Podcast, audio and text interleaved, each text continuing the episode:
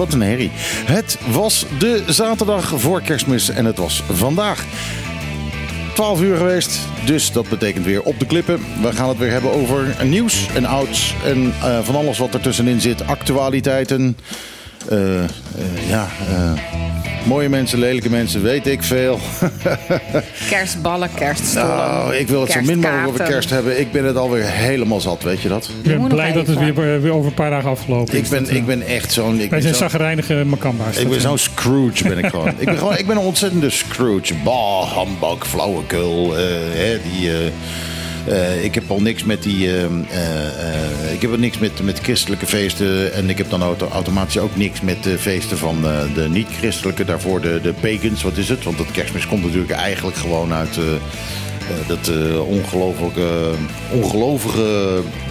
weet ik veel wat het was. De, de, de- helemaal niet uit meer. Nee, Nee, de dit is toch de Scandinavië? Het is een hottentottenfeest Oh, of een Scandinavië-feest. Scandinavië, lichtjes, boom. Maar, het, ja. het, is, het is een Germaans feest. Ja, maar, toch? eh, de Ja. algemeen Germaans. ja, algemeen. Ja, het kwam leuk uit. Dat is alles. Eh, zo kun je krijgen. Nou, eet smakelijk. Op de klippen mensen, mega 101.1.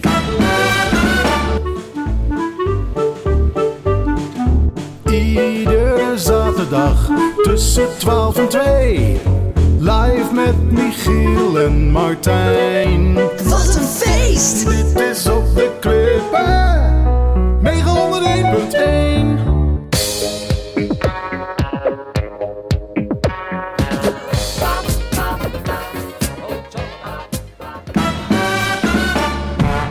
Ja, dat was.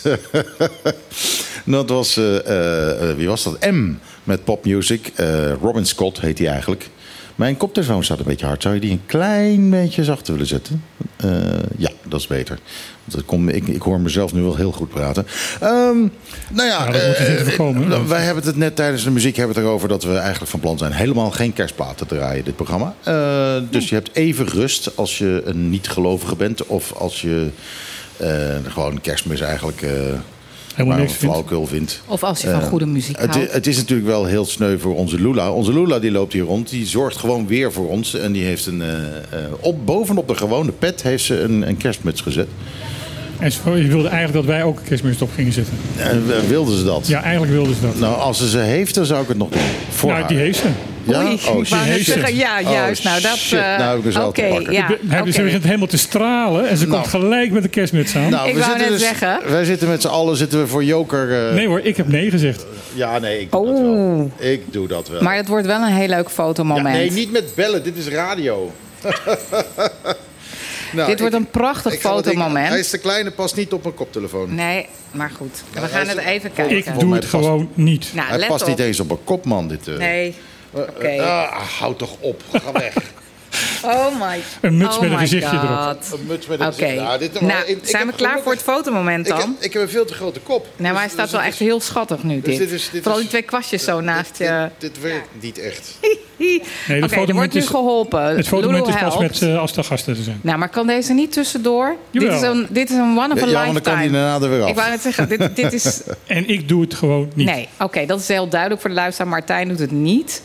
Ik ben, eh, ik ben gewoon nu even solidair, ondanks dat ik kerst helemaal niks vind. En daar komt hij, de foto. Jongens, moeten we echt on-air een, een foto gaan Ja, maar kijk, hier- Ja, dit is toch, echt- Dit is toch... Dit is, Jawel. Kijk even om, kijk even om. even. Ja. Nou, Ik hoe leuk. Lachen. Even lachen. ja, de foto's gemaakt. Zo warm. Eh, ja, maar dit is sowieso... Mijn, mijn computer zei me dat, eh, eh, dat we weer tegen het record gaan zitten qua temperatuur. Nog steeds. Nou, dan moet je ook niet dit mutsje op hebben, dus inderdaad. Nee. Dat is een goede reden om het niet te doen. Maar ik, ik probeer nu eventjes, ehm, en dan moet ik even weg van de microfoon... te kijken of dat ding zonder mijn koptelefoon nog op mijn hoofd past. Want dat is volgens mij ook niet zo. Nou, dan doen wij live verslag. Michiel heeft nu zijn koptelefoon af. Die is iets wat aan het rekken en trekken Ja, van ja, het mutsje. ja, Maar ja. ja, volgens mij echt serieus. Het staat je fantastisch. Ik weet nou niet of het een kerstmuts is of een eenhoornmuts. Nee, eh, ik weet het ook niet. Maar zullen we nu de mensen uitnodigen om toch nog even te komen zwaaien bij Trocadero? Want dit Oh, is wel ja. once in a lifetime. Ja, dit maken ze Dit is- nooit dit meer maak mee. je denk ik niet staat meer mee. Kop, nou staat mijn koptelefoon niet meer te hard. Want nou kan ik... Oh ja, dat is nou oké. heb ik hem eh, over mijn Ah, muts staat je beeldig. Uh, vooral dat neusje van deze kerst. Maar dit is dus een soort muts met daaronder het gezicht van een kerstmanachtig ding. En die heeft zo'n wortel, zo'n peen als een neusje. Die lijkt wel een eenhoorn. Het is sneeuwman. Jongens, dit, programma, sneeuwman, dit ja. programma lijkt wel de ruitrenkorn uit. eh, dit Nou, we, Ja, zijn, ja, we zijn een actualiteitenprogramma. Kom op. Ja, nou, dan hadden we het over. eh, we hadden het over kerstmis en over spruitjes of geen spruitjes. En ik vertelde dat ik heel recalcitrant word. Want ik kan echt niet tegen mensen dan bij een supermarkt met zo'n kar met zo'n kopper op. En dan twee dagen lang alleen maar eten, eten, eten. Drie dagen misschien. Nee, nee, nee, nee. Ik, ik kwam gisteren Oké. ging, ging ik nog even boodschappen doen. Ja? Klein, klein beetje boodschappen, klein eh, Gewoon normaal, Normaal, gewoon. Ja. ja. Want het is maandag en Ah, dinsdag. ach ja, ik nam nog even een taartje mee, want ach, het is kerstmis. Ja. En voor mij stonden dus een echtpaar met twee karren helemaal afgeladen vol. Echt serieus. En dan denk ik echt van, van ja oké, ik, ik hoop dat jullie dat niet allemaal in je, met z'n tweeën gaat opeten, maar dat je een heel groot gezelschap hebt. Want anders kan ik nu alvast eh, de spoedeisende hulp gaan uh, gewaarschuwen. Dat zal wel. Ik word uitgelachen door, gelachen door Lula. Eh, jij, jij hebt je muts ook gewoon op een petje gezet. Dus ja, dat, eh, nee, maar, bij Lou, maar, maar, maar Luna heeft een hele mooie glitter. Die heeft wel ook weer special edition eh, muts, moet ik zeggen. Ja, zie je. Nee, maar nee, ik word altijd een beetje recalcitrant van, van kerst. En het wordt je strot doorgeduwd. En het lijkt me heel lastig. Als je er echt niets mee hebt... zijn dit niet echt de leukste dagen. je Want- bedoelt als je een Marokkaan bent of zo. nou, maakt me niet uit wat je bent. Ik Als bedoel, je je moslim bent of ja. van de Kwanzaa of zoiets. ja, of gewoon, eh, Gewoon niks. gewoon daar niks mee hebt. Ja, ja. En dan is het eh, de, alleen al de vraag, we hadden het er net over. De vraag deze week was echt de ultieme vraag. Wat ga jij doen met kerst? Dus ik stel hem even. Martijn, wat ga jij doen met kerst? Nou, eerste kerstdag ga ik eten bij eh, Michiel, Michiel en eh, Esther. Eh, en tweede kerstdag ga ik vooral alles dicht doen. Geen radio, geen televisie aan en gewoon lekker lezen. En moeten we dan medelijden met jou hebben? Is dat dan zielig? Of waarom vinden we dat in één keer zielig Nou, als dat met kerst 1, is? punt 1 is er een grote verwarring tussen het verschil tussen alleen zijn en eenzaam zijn. Absoluut. En ik ben heel graag alleen en ik ben zelden of nooit eenzaam. Zo wordt het. Dat is goed. Ja. En nee, ik ben dus absoluut niet zielig. Ik, eh, verheug, ik verheug me erop. Ik heb al een paar boeken klaargelegd om, eh, om, om eh, op dinsdag te kunnen. Het lijkt mij heerlijk. Het lijkt mij echt een heerlijke Ja. kerst. Een heerlijk vooruitzicht. Ja. Dat is echt. eh, ik moet ook wel heel eerlijk zeggen dat ik eh, eh, wel de verhalen hoor. Wat doen we met kerst? Gaan we naar de ene ouder of naar de andere schoonouder? Doen we kip of kalkoen? Gaan we gourmetten? Denk ik altijd, oh, wat erg. Nou ja, ik, ik, ik ken het. en strand mijn moeder, voor mij. Mijn moeder was vroeger eh, thuis eh, heel erg van de kerst. Ehm, niet zozeer omdat het kerstmis was, niet omdat het eh, de, eh, de, de, de religi- re- religieuze eh, kant Mhm. ervan, want eh, zij was absoluut eh, streng atheïstisch. Ehm, en eh, komt uit een katholieke familie, maar op haar twaalfde had ze al besloten van dit kan niet kloppen, dus hier doe ik niet aan. Uh, maar het de gezelligheid en de, uh, het samen zijn, met de familie zijn, dat vond ze heel belangrijk. Het huis werd inderdaad aan alle kanten enorm uh, opgeleukt. En, en ze was al weken van tevoren was ze bezig met kerststukjes maken en al dat soort zaken. Daarvoor vierden we ook nog heel uitgebreid Sinterklaas trouwens. Uh, dat was altijd een enorm familiefeest. En uh, al een maand van tevoren zaten alle deuren van alle kamers dicht om de surprises die gemaakt werden en al dat soort zaken. Dus december was, was, een, was wel een belangrijke maand voor. Maar ik heb ook wel gezien wat voor stress dat mijn moeder heeft gegeven. En altijd uh, moeten zorgen van. En, en, en in zichzelf, dat, dat was iets wat ze zichzelf oplegde. Eigenlijk moest het elk jaar weer mooier en beter. Ja. En mijn, de moeder van mijn kinderen, waar ik 26 jaar mee heb samengewoond. Um, die had dat ook. Die wilde dat ook echt heel erg. En de kinderen vonden dat ook belangrijk. Dus oké, okay, prima. Ook daar, uh, vlak voor de kerst, was er toch een hoop stress in huis. Maar ik denk dat dat echt heel vaak is. En dat is dan eigenlijk heel jammer. Nee, ik, ik heb er zelf heel weinig mee.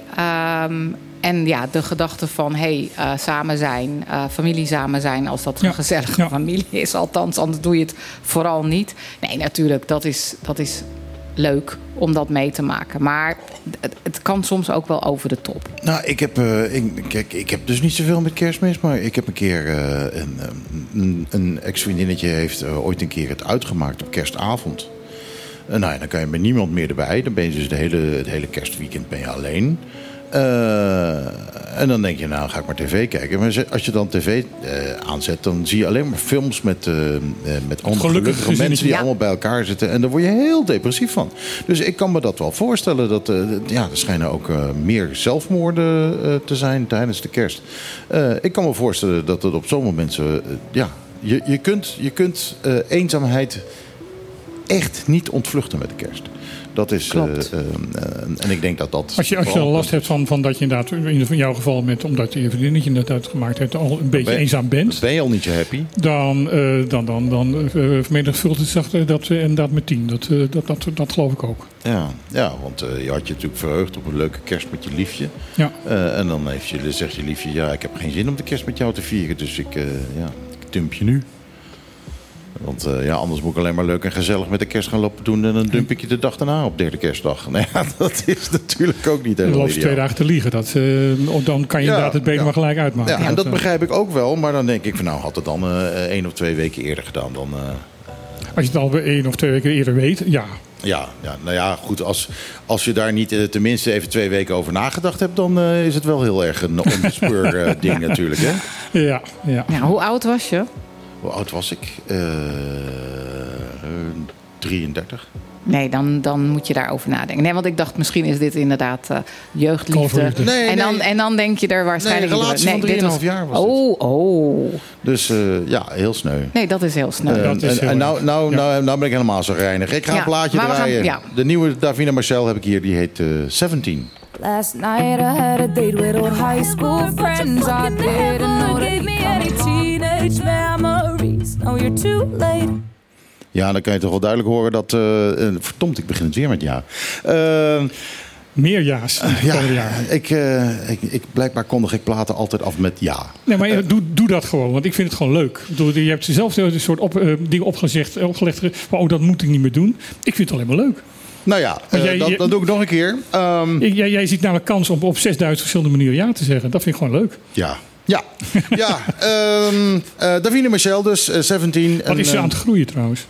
Davina. Ja. Nou ja, goed, eh, het, is een verschrikkelijk goede zangeres. Eh, Dat, dat, dat om te beginnen. Maar wat je hier hoort, dat ze een beetje teruggaat naar die roots. Ze wil, eigenlijk wil ze gewoon een beetje rockzangeres zijn. Ja. En eh, ja, je kan je heel goed voorstellen, zowel textueel als, ehm, eh, als, als de stijl van de muziek... kan je heel goed horen dat haar roots bij Pink liggen. ja, maar het is, je hoort, ook, echt een Pink liedje, helemaal. je hoort ook van dat, eh, dat ze wat, wat, gewoon wat eh, de, de, het vak zingen betreft... gewoon eh, vreselijk veel ge- geleerd heeft de afgelopen jaren. Ja, maar ja, goed, ze was al verschrikkelijk goed. Maar wat, wat nu wat, wat er een beetje uit begint te gaan... ze heeft ze een, een raar, een raar Ja. keelgeluid. Ja, heeft. En dat, ja. dat begint ze eruit te zingen. Daar staat tegenover dat dat keelgeluid was typisch zij. Ja. Dat maakt haar heel uniek. En dat is nu eh, wat minder. Mhm. Ehm, dus, dus ja, of je dat... eh, Ja, ze moet daar een balans in vinden. Even wil najagen of niet. Ja. Eh, eh, ik denk dat het... ja, nou ja, goed. Je hebt natuurlijk ook mensen die dat niet, eh, niet mooi vinden, dat keelgeluid van haar.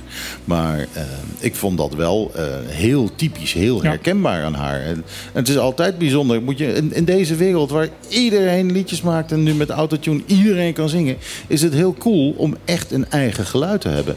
En, en dat had ze en dat hoor ik in deze plaat niet meer helemaal. Het zou gaaf zijn als ze gewoon heel bewust daarin kan schakelen.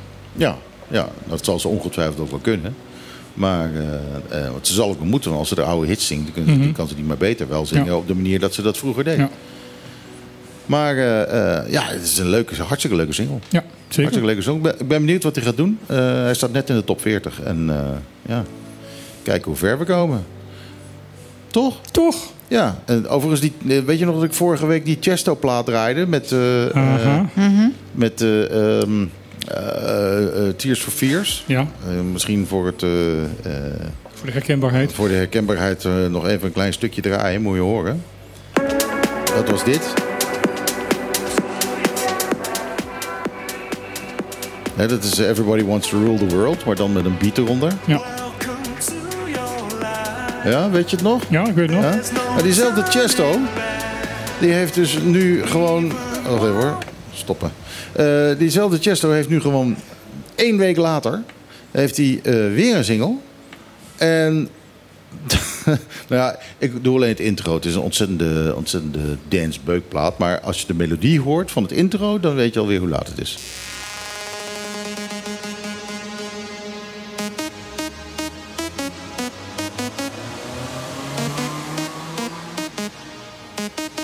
Is die eh, door zijn ideeën heen? Ja, dat zou je denken. Of hij heeft gewoon een eh, nieuw goudmijntje aangeboord. Ik wou kan net zeggen. Eh, Selling. En er zit, er zit een stukje verder. Nou ja, je, ja, je hoort het al horen. Het is een ontzettende beukplaat. Als het kan, nu komt die beut erin. Uh, up, 1, 2, 3, bom.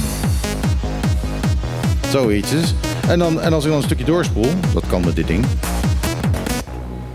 krijgen we dit. My tea's gone cold, I'm. Hij heeft ook hier heeft hij de oorspronkelijke vocalen, dus van Dido, heeft hij gevonden en erin gezet. Ja. En eh, dus hebben we even een gat waar het gewoon heel rustig is. En gewoon weer echt thank you van Dido is. Eh, en dan begint het gebeuk weer. It reminds me that it's not so bad. It's not so bad. Hij weer. Het zal verkopen, ongetwijfeld. Thank you. Ja, nee, en dan verkoopt. not so bad. Dus hij heeft er ook weer zijn eigen naam onder gezet. Nou, het geheel duurt 2 minuten 20. Zullen we het gewoon zo- maar ik zal het je niet aandoen. Zullen we het gewoon eens een keer over nieuws hebben? Ja, laten we het over nieuws hebben. Vertel. Nou ja, vertel, eh, vraag maar wat je, wat je wil weten. Nou ja, eh, ik, eh, ik zie allemaal interessante nieuws.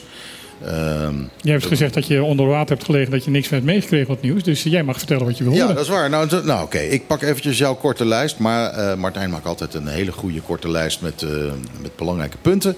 Eh ere wie ere toekomt. En nou, het eerste wat we zien, heel belangrijk. Oenkerbon maakt afspraken met het bestuurscollege over het tegengaan van exorbitante, mooi woord, exorbitante prijsstijgingen. We hebben natuurlijk dat... eh, eh, eh, dat straks die lonen omheen gaan, om, Ja, omhoog we hebben gaan. daar eh, vorige week uitgebreid over gehad. En het gevolg zou kunnen hebben, iedereen waarschuwt ervoor dat we dan prijsstijgingen krijgen. Ehm, Er werd zelfs al een beetje gesuggereerd dat er ondernemers zijn die hun kans schoon zien om even flink eh, tekeer te gaan. Nou ja, vorige week werd er in feite gezegd van er zijn twee eh, redenen waarom de prijzen kunnen stijgen. Dat is punt 1, omdat het eh, eh, mensen vinden van, eh, ondernemers vinden van dat eh, en, en ja, onzekerheid zitten en dus voor de verzekerheid maar fors hun prijzen verhogen, zodat ze in ieder geval er niet bij inschieten. En natuurlijk, en dat is in feite punt 1 onwetendheid, punt punt 2 een soort half paniek van, van jongens, ik, ik, moet er, ik wil niet failliet gaan, dus ik moet gewoon zeker wel zeker nemen en dus die, die prijzen maar verhogen. En ander deel van ja, toch ook ondernemers die zeggen van, ah, hey, Ja, de precies. prijs wordt verhoogd, dus daar doe ik lekker even mee. Er zijn twee redenen om de prijs te verhogen: omdat het moet of omdat het kan. Daar Ja. komt het eigenlijk op neer. Ja. En wat, wat, wat- wat eigenlijk de conclusie van vorige week was, was van eh, jongens, eh, die paniek is niet nodig. Ehm, ja, er zullen wat prijzen verhoogd moeten worden. Maar laat het goed narekenen. Elke eh, ondernemer heeft een eh, andere invulling van de, van de regels. Eh, laat het alsjeblieft narekenen. Of bij sociale zaken, bij, bij arbeidsaangelegenheden. Of bij Kamer Koophandel. Of bij belasting, waar dan ook. Ehm, er, er, er komt ook een, een helpdesk voor ondernemers. Dat, dat is ook Ja. afgesproken. Een meldpunt tegen oneerlijke Er prijsverhoging. komt een meldpunt van oneerlijke prijsverhoging, maar ook een helpdesk voor, ehm, voor ondernemers eh, om informatie te krijgen van jongens, wat heeft het nou eigenlijk voor mij voor, voor gevolgen? Ja, nou vraag ik me, als we het over gevolgen hebben, vraag ik me af bij Bonaire krijgt een meldpunt tegen oneerlijke prijsverhogingen. Eh, nou oké, dan ga je melden en zeg je van, hé, eh, eh, Pietje die vraagt eh 5 dollar voor zijn pindakaas. Maar wat, dan? gebeurt er dan? Dan heb je dat gemeld en dan? Nou, ehm Clark Abraham heeft ehm, eh, duidelijk eh, laten doorschemeren van dat in feite de overheid eh, daadwerkelijk vrij weinig kan doen. Ja. Ehm, er, er kun- kunnen geen boetes opgelegd worden. Er, kunnen, er kan wel gezegd worden bij, bij levensmiddelen van jongens, die, die, die noodzakelijke levensmiddelen, dat dat man, dat beroemde mandje, daar, mag het niet, daar, daar zitten gewoon maximum prijzen aan. Die mogen gewoon niet boven die prijs uitkomen. Dus dat in ieder geval de, de, de basisbehoeftes en de, de levensbehoeftes in ieder geval niet gigantisch in prijs gaan stijgen. En voor de rest ehm, ja, het wapen van eh, negatieve publiciteit. Ja, ja dus, eh, dus waar het eigenlijk op neerkomt, je kan dat wel melden. Maar eigenlijk moet je het gewoon melden op, melden op Facebook, bedoel je? Nou ja, maar eh Clark Abraham eh, laat eh, doorschemeren dat de overheid dus ook die, die, eh, het wel zullen, zal melden van als, als de ondernemers inderdaad eh, onterecht eh, hun prijzen verhogen. Ja. Nou ja, eh, laten we Maar daar... eh, daadwerkelijke instrumenten om het tegen te gaan, nee, die heeft de overheid niet. Maar laten we maar kijken. Ehm, eh, er zijn gewoon eigenlijk twee kampen. Het ene kamp is heel erg bang voor prijsverhoging. En de andere kamp zegt, kom, het zal wel meevallen. Ja. En we kunnen er maar één ding doen. Dat is, dat is kijken wat er gaat gebeuren. En geen paniek.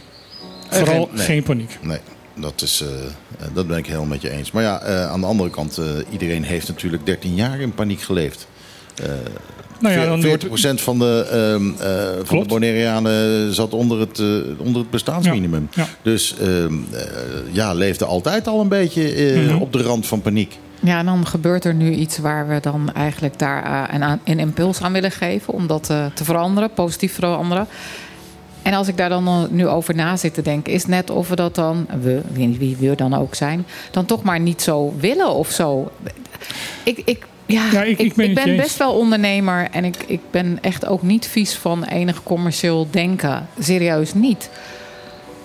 Maar soms denk ik, nou, dan verdien je. Je hebt al die jaren goed verdiend. eh, door whatever. Het mocht, het was mogelijk. eh, het zal wel. Laten- En nu verdien je dan misschien 50 cent minder op iets. Ja, Nou, laten we, ook even, we ook even vaststellen dat gewoon een op. aantal ondernemers en Bonaire, gewoon, omdat die eh, minimumlonen zo laag waren en mensen ook wisten, donders goed wisten, dat, ehm, eh, dat, eh, dat de, de mensen die je betaalt gewoon van dat minimumloon niet kon leven. En doelbewust heb je het dus wel gedaan. Heel dat veel- bedoel ik. Heel veel ondernemers in Bonaire hebben dat niet gedaan. Die hebben inderdaad gezegd van jongens, mensen kunnen daar niet van leven. Ik wil dat mijn personeel fatsoenlijk eh, verdienen. Dus die hebben eh, uit eigen beweging al ehm, de lonen en, en boven het minimumloon, eh, het wettelijk minimumloon ge- gesteld. Een aantal ondernemers heeft dat niet gedaan. Er zullen ongetwijfeld, zeker bij kleine de schoonmaakbedrijfjes en dat soort zaken, mensen, bedrijven zijn die het gewoon echt niet konden betalen. Omdat de, de eigenaar van het bedrijf net zo weinig eh, verdiende. Eens. Dus eh, laten we alsjeblieft niet alles over één kam scheren. Maar er zijn ook ondernemers geweest in Bonaire die gewoon hebben gezegd van jongens, lekker eh, hogere, de lekker lagere lonen, de lekkere hoge winstmarge voor mij. En die nu, nu dat zijn, heb ik het gevoel, wel de mensen die heel hard schreeuwen op dit moment. Eh, Ik van heb ook ja, dat gevoel. eh, ja, maar nu gaat het mij. eh, weet je, mag ik Ja. een hele grove vergelijking maken? Oh-oh. Uh-oh. Maar doe maar. Eh, de afschaffing van de slavernij, de compensatie van de eigenaren in de tijd toen. Ja, die gaat ver. Maar ik, ik, ik snap wel een beetje je punt. Toen is er ook gezegd van jongens, de slavernij wordt afgestraft. eh, Dus eh, wij als eigenaren gaan dit merken in onze inkomsten. Dat kan niet, wij moeten gecompenseerd worden. Dat is toen gebeurd. Daar zijn we nu allemaal zoiets van, dat had nooit mogen gebeuren. Nu zeggen de ondernemers heel erg van, ja, maar wij moeten gecompenseerd worden. Eh, want anders eh, eh, schieten wij erbij in. En dan denk ik bij een aantal daarvan, niet iedereen, absoluut niet iedereen, maar een aantal daarvan, van ja, maar je hebt wel de afgelopen jaren daardoor een enorm hoge winstmarge gekregen. Is het zo erg dat je nou je winstmarge ietsjes omlaag gaat? Nou, ik hoop dat En mensen... dan denk ik dat er heel veel mensen nu boos op mij worden, Ja, maar dat nee, is dan maar- zo. Nee, Nou, laat me kijk, je, hebt mensen, je hebt ook mensen die hebben, eh, dankzij dit, hebben ze hun bedrijf eh, staande kunnen Ja, houden. ja daarom, Dus- daarom wil ik ook echt Dus die, nadrukkelijk... dus die hebben echt niet, eh, Nee. eh, niet dikke winsten gehad. Die hebben het kunnen overleven. En die kunnen misschien nu eh, het niet meer overleven. Omdat ze meer Ik- moeten ik- ik betalen zeg- aan ik de zeg- werknemers. Ik zeg ook van, van eh, ik, ik wil ook absoluut daar heel veel nuance in brengen. Eh, Want ik ken een aantal van, van dat soort kleine schoonmaakbedrijfjes... Die, waar de, de, de zogenaamde eigenares eh, van, de, van, de, van het bedrijf net zo arm is als, eh, als haar werknemers. Ja. En die inderdaad alleen maar dat konden, konden volhouden door inderdaad lage lonen te betalen. Maar aan de andere kant zijn dat soort bedrijven... ehm, Ja, wat heel erg mooi zou zijn is, eh, maar dat gaat niet gebeuren. Maar als je gewoon heel transparant bent. Op het moment dat je daadwerkelijk kunt zeggen van... oké, dit zijn mijn lonen, dit zijn mijn loonkosten. En dus daarom En ben ik... mijn geno- eigen- dit zijn mijn winstmarges. Correct. En dit weet je, als je daar een beetje transparant in bent. Maar goed, dat is natuurlijk allemaal wishful thinking en a beautiful world. We zullen het, eh, we zullen het af, eh, af moeten wachten. Maar ik, kijk, een meldpunt is denk ik wel goed. En het mooiste is dan als dat eh, op een beschaafde manier, vind Ja. ik wel, gemeld gaat worden. Dat er gewoon een lijstje komt. Ik hoop ook dat mensen niet dan nu in één keer op Facebook gaan met allerlei krachttermen over welke ondernemer dan ook. Ja, dat is leuk man. Daar hebben we Facebook voor. Nee, dat, ik vind dat echt, dat denk ik, oh, daar hou ik echt helemaal niet van. Aan de schandpaal allemaal. Hou op, hou op. Nee, doe het netjes en zeg gewoon van... eh, bij Bliep eh, is me opgevallen dat de pindakaas 5 eh, dollar kost. Ehm, is dat nodig? Ik kan hem bij Bla kopen voor 3 dollar. Nou, dan ben je er toch?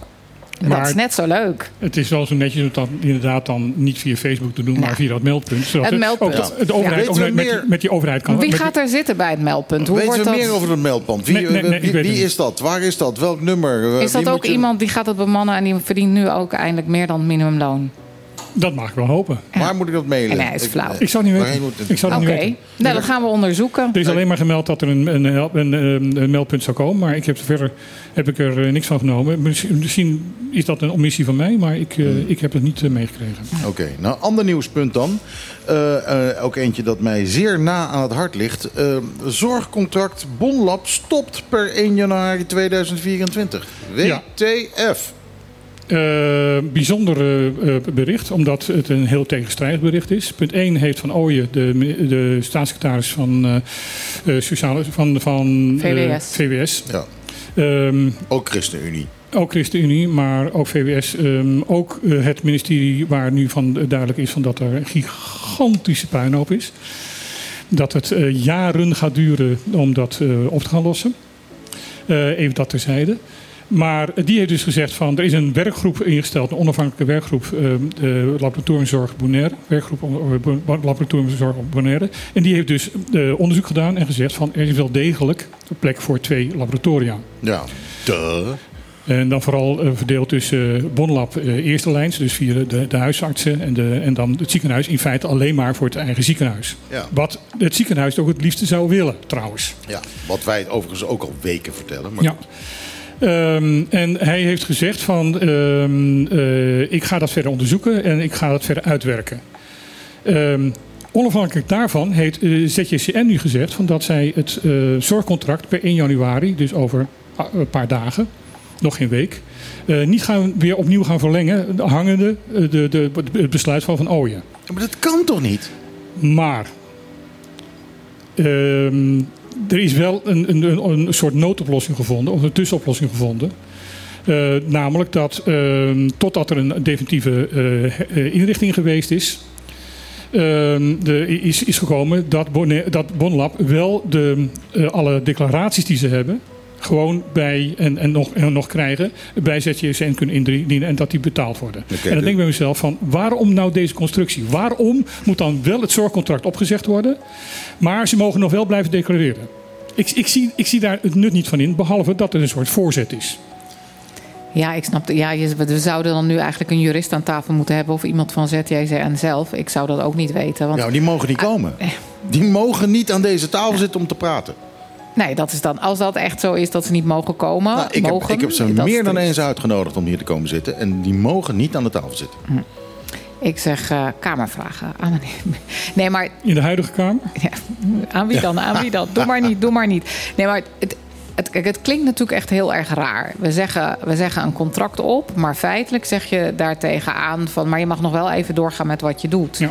En dan denk ik dat mijn boerenverstand zou zeggen... nou, ga dan voorlopig nog even door... of verleng het voor een jaar, of doe iets. Dus ja, ik heb geen idee hoe dit werkt. Het zal wel iets juridisch zijn. Het en zal- mogelijk wat jij ook zegt... een voorzet op, Nou ja, vooruitlopend op. Vergelijk, Ja. vergelijk het met een, met een huurcontract van, van een woning. Eh, het huurcontract wordt opgezegd, maar je mag er voorlopig nog wel blijven wonen. Maar je bent wel al je rechten kwijt. Dat klopt. Dat is waar. Als we het daarmee vergelijken, nee, eens. En, eh, nee, en ook heel duidelijk wat jij zegt, hè. Um, Foene John Mariedal, die zou heel graag eh, de verdeling willen.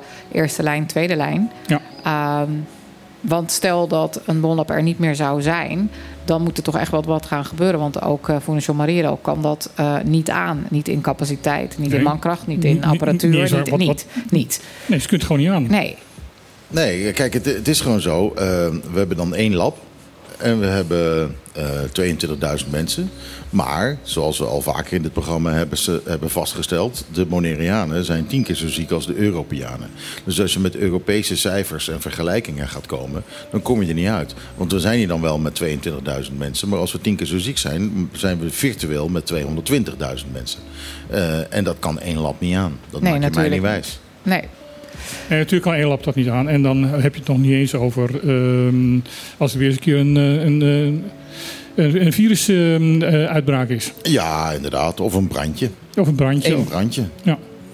Kijk, en dan, dan moet er dus eh, de, ook, ook gewoon wat, wat, wat, wat, eh, ja, wat dan in computertermen redundancy, redundancy heet. Dus ehm, eh, ja, e- extra ruimte Ja. voor, voor crisissen. En als je één labje hebt eh, in, in dat ene ziekenhuis, dan ga je dat gewoon niet redden. Ja, een, Kijk, stukje, een stukje overcapaciteit om Ja. eh, in geval van nood de boel Ja. te, kunnen, te kunnen opvangen. Ja. Eh, nee, dus dat zijn, dat zijn rare dingen. Maar je zou toch zeggen dat ze, jij zei, en toch tenminste één iemand heeft die de pers te woord zou moeten kunnen staan of zo. Misschien moet ik daar toch nog even achteraan. Ja, ja want ik, ik heb ook nog weer wat klachten over de apotheek. Oh ja, je hebt, een, eh, je hebt een gruwelweek achter de rug, hè? Ja, nou ja, gruwelweek, dat valt wel mee. Maar ehm, ik, ik, eh, het, het was een tijdje een beetje beter. Dan kon je inderdaad, eh, de, de huisartsen sturen dan een, recepten digitaal naar, de, naar het ziekenhuis toe. En dan de volgende dag, na drie uur, kan je dat dan kan, kan je dat afhalen. Je komt de volgende dag na drie uur en je krijgt te horen van... Oh, maar wanneer heeft u het ingestuurd? Ik zeg van, eh, ik heb gisteren heb ik voor half tien heb ik dat gemeld. En dan moet het om drie uur klaar zijn. Ja, maar dat halen wij nooit. Bliep. Ja, dat is erg. Dus je staat daar, geen medicijnen. Geen medicijnen. Dus je, het was op vrijdag. Ik had nog voldoende medicijnen voor, eh, voor eh, het weekend. Dus ik zei van, ik kom maandag wel terug. Nou, maandag lukte niet. Ik kom dinsdag terug. Meneer, er is nooit een recept aangekomen hier. Ik zeg van, hadden jullie dat vrijdag niet kunnen vertellen? Ja. Ja, ja, ja, het is een fout van de huisarts die dat eh, niet gestuurd heeft. Ik zeg van, ja, maar hadden jullie hem dat vrijdag niet kunnen vertellen? Dat het niet aangekomen was. Dan had ik nou maandag eh, nog een keer gebeld. Nou, ik dus naar eh, de dokter toe. Die heeft, de, de, de, huisarts gedaan. Die heeft dat nog een keer extra snel gedaan. Handtekening, hand, briefje, briefje terug. En dan zie je dus, een tijdje zie je dus wat er daar gebeurt. Ik moest dus nu naar het andere loket toe. Want er zijn dus speciale, Ja. eh, voor de C-bonnetjes, eh, afhaal eh, de twee loketten. Maar dan zie je bij die afhaalloketten dat het net zo traag gaat als bij de balie waar de, de recepten gemaakt moeten worden. Want mensen hebben dan nou, tijd bij, ook bij die afhaalbalie constant vragen. En die, die meisjes die erachter zitten zijn hartstikke lief en aardig. Maar die gaan die vraag beantwoorden. In plaats van te zeggen van... hé, hey, sorry, dit is alleen een afhaalbalie. dus Ja, maar dat het ik, duurt net zo lang. dat vind ik in principe wel oké. Dat- vind ik Bonaireaans. eh, Dat, dat, dat ze hier tenminste eh, wel af en toe, als je nog een vraag hebt of iets dergelijks, dat je nog te Ik woord begrijp wordt het hartstikke goed. Ik Maar ik, heb, ik heb één vraag. Eh, Ja. Dat eh, toen de mensen van uh, Meridal hier aan tafel zaten... te horen kregen van dat er automaten zouden komen voor herhaalrecepten. Ja. Waar zijn die na anderhalf jaar? Ja, ik heb begrepen dat ze daar nog steeds mee bezig zijn. Want dat zou de Eh, en- oplossing en, en zijn. meer, meer kan ik er niet over zeggen. Ik, eh, ik weet dat dat nog steeds een optie is. En dat, dat, eh, dat er van alles en nog wat wordt, Ja. wordt gedaan om te proberen dat, dat te doen. Maar ja, dat zou in jouw geval dus ook zinloos zijn geweest. Dat was niet aangekomen. Nou, eh, dan eh, eh, wat eh, vasthangt aan die, aan die automaten is dat je dus digitaal opgeeft wat je wil hebben. Dat je dan gelijk daar een bevestiging van terugkrijgt. En dat je pas het kan afhalen op het moment dat je een mailtje of een appje krijgt van dat Ja. het daar ligt met een code. Wat je moet intoetsen om het om medicijn te krijgen. Ja. Dan weet je zeker als je er naartoe gaat dat het er ligt. Ja. Maar het zou ook de, de, de, de, de, balies van, eh, of de balie van de apotheek zo ontzettend ontlasten. 80% van de medicijnen die uitgegeven worden zijn herhaalrecepten. Ja, nou ja, ik tel- erbij op dat we eh, een tekort hebben aan apothekers. Ja, Dus eh, alleen maar beter. dat zou alleen maar beter zijn. Dus als mensen van de Meriedal meeluisteren, alsjeblieft zorg zo snel mogelijk dat die, die eh, automaten komt. Ja, of ik maak gewoon weer een liedje hoor. Hou er rekening mee. Ehm, eh, ik, ga, ik moet weer muziek doen. Ik werd net ge- eh, gebeld tijdens het programma. eh, Dat we met, horen. met, met een tip dat er wel degelijk leuke kerstliedjes zijn. En deze plaats aangevraagd is Elmo en Patsy. Dus ik ga nu toch een kerstplaat draaien helaas. El- Van de Elmo en Patsy, ja dat zou je denken hè. Grandma got run over by a reindeer. En dit zou een leuk kerstplaatje zijn. Ik ken het niet, dus we gaan er even naar De titel is prima.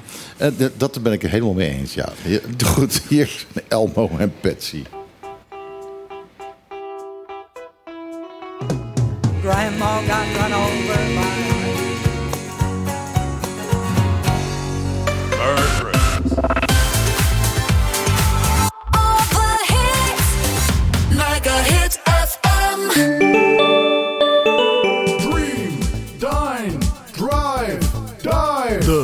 Bonaire, een klein intiem resort met een no-nonsense vibe op loopafstand van Centrum Kralendijk aan de Kaya Dialma 11.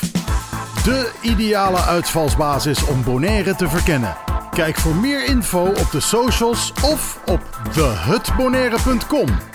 Dream, dine, drive, dive. De Hut Bonaire. Debatteren, dat is het met elkaar oneens zijn. Staan voor je mening. Maar respect hebben voor elkaar en samen zoeken naar de waarheid. Zaken die onverbrekelijk verbonden zijn met het fenomeen dat wij democratie noemen.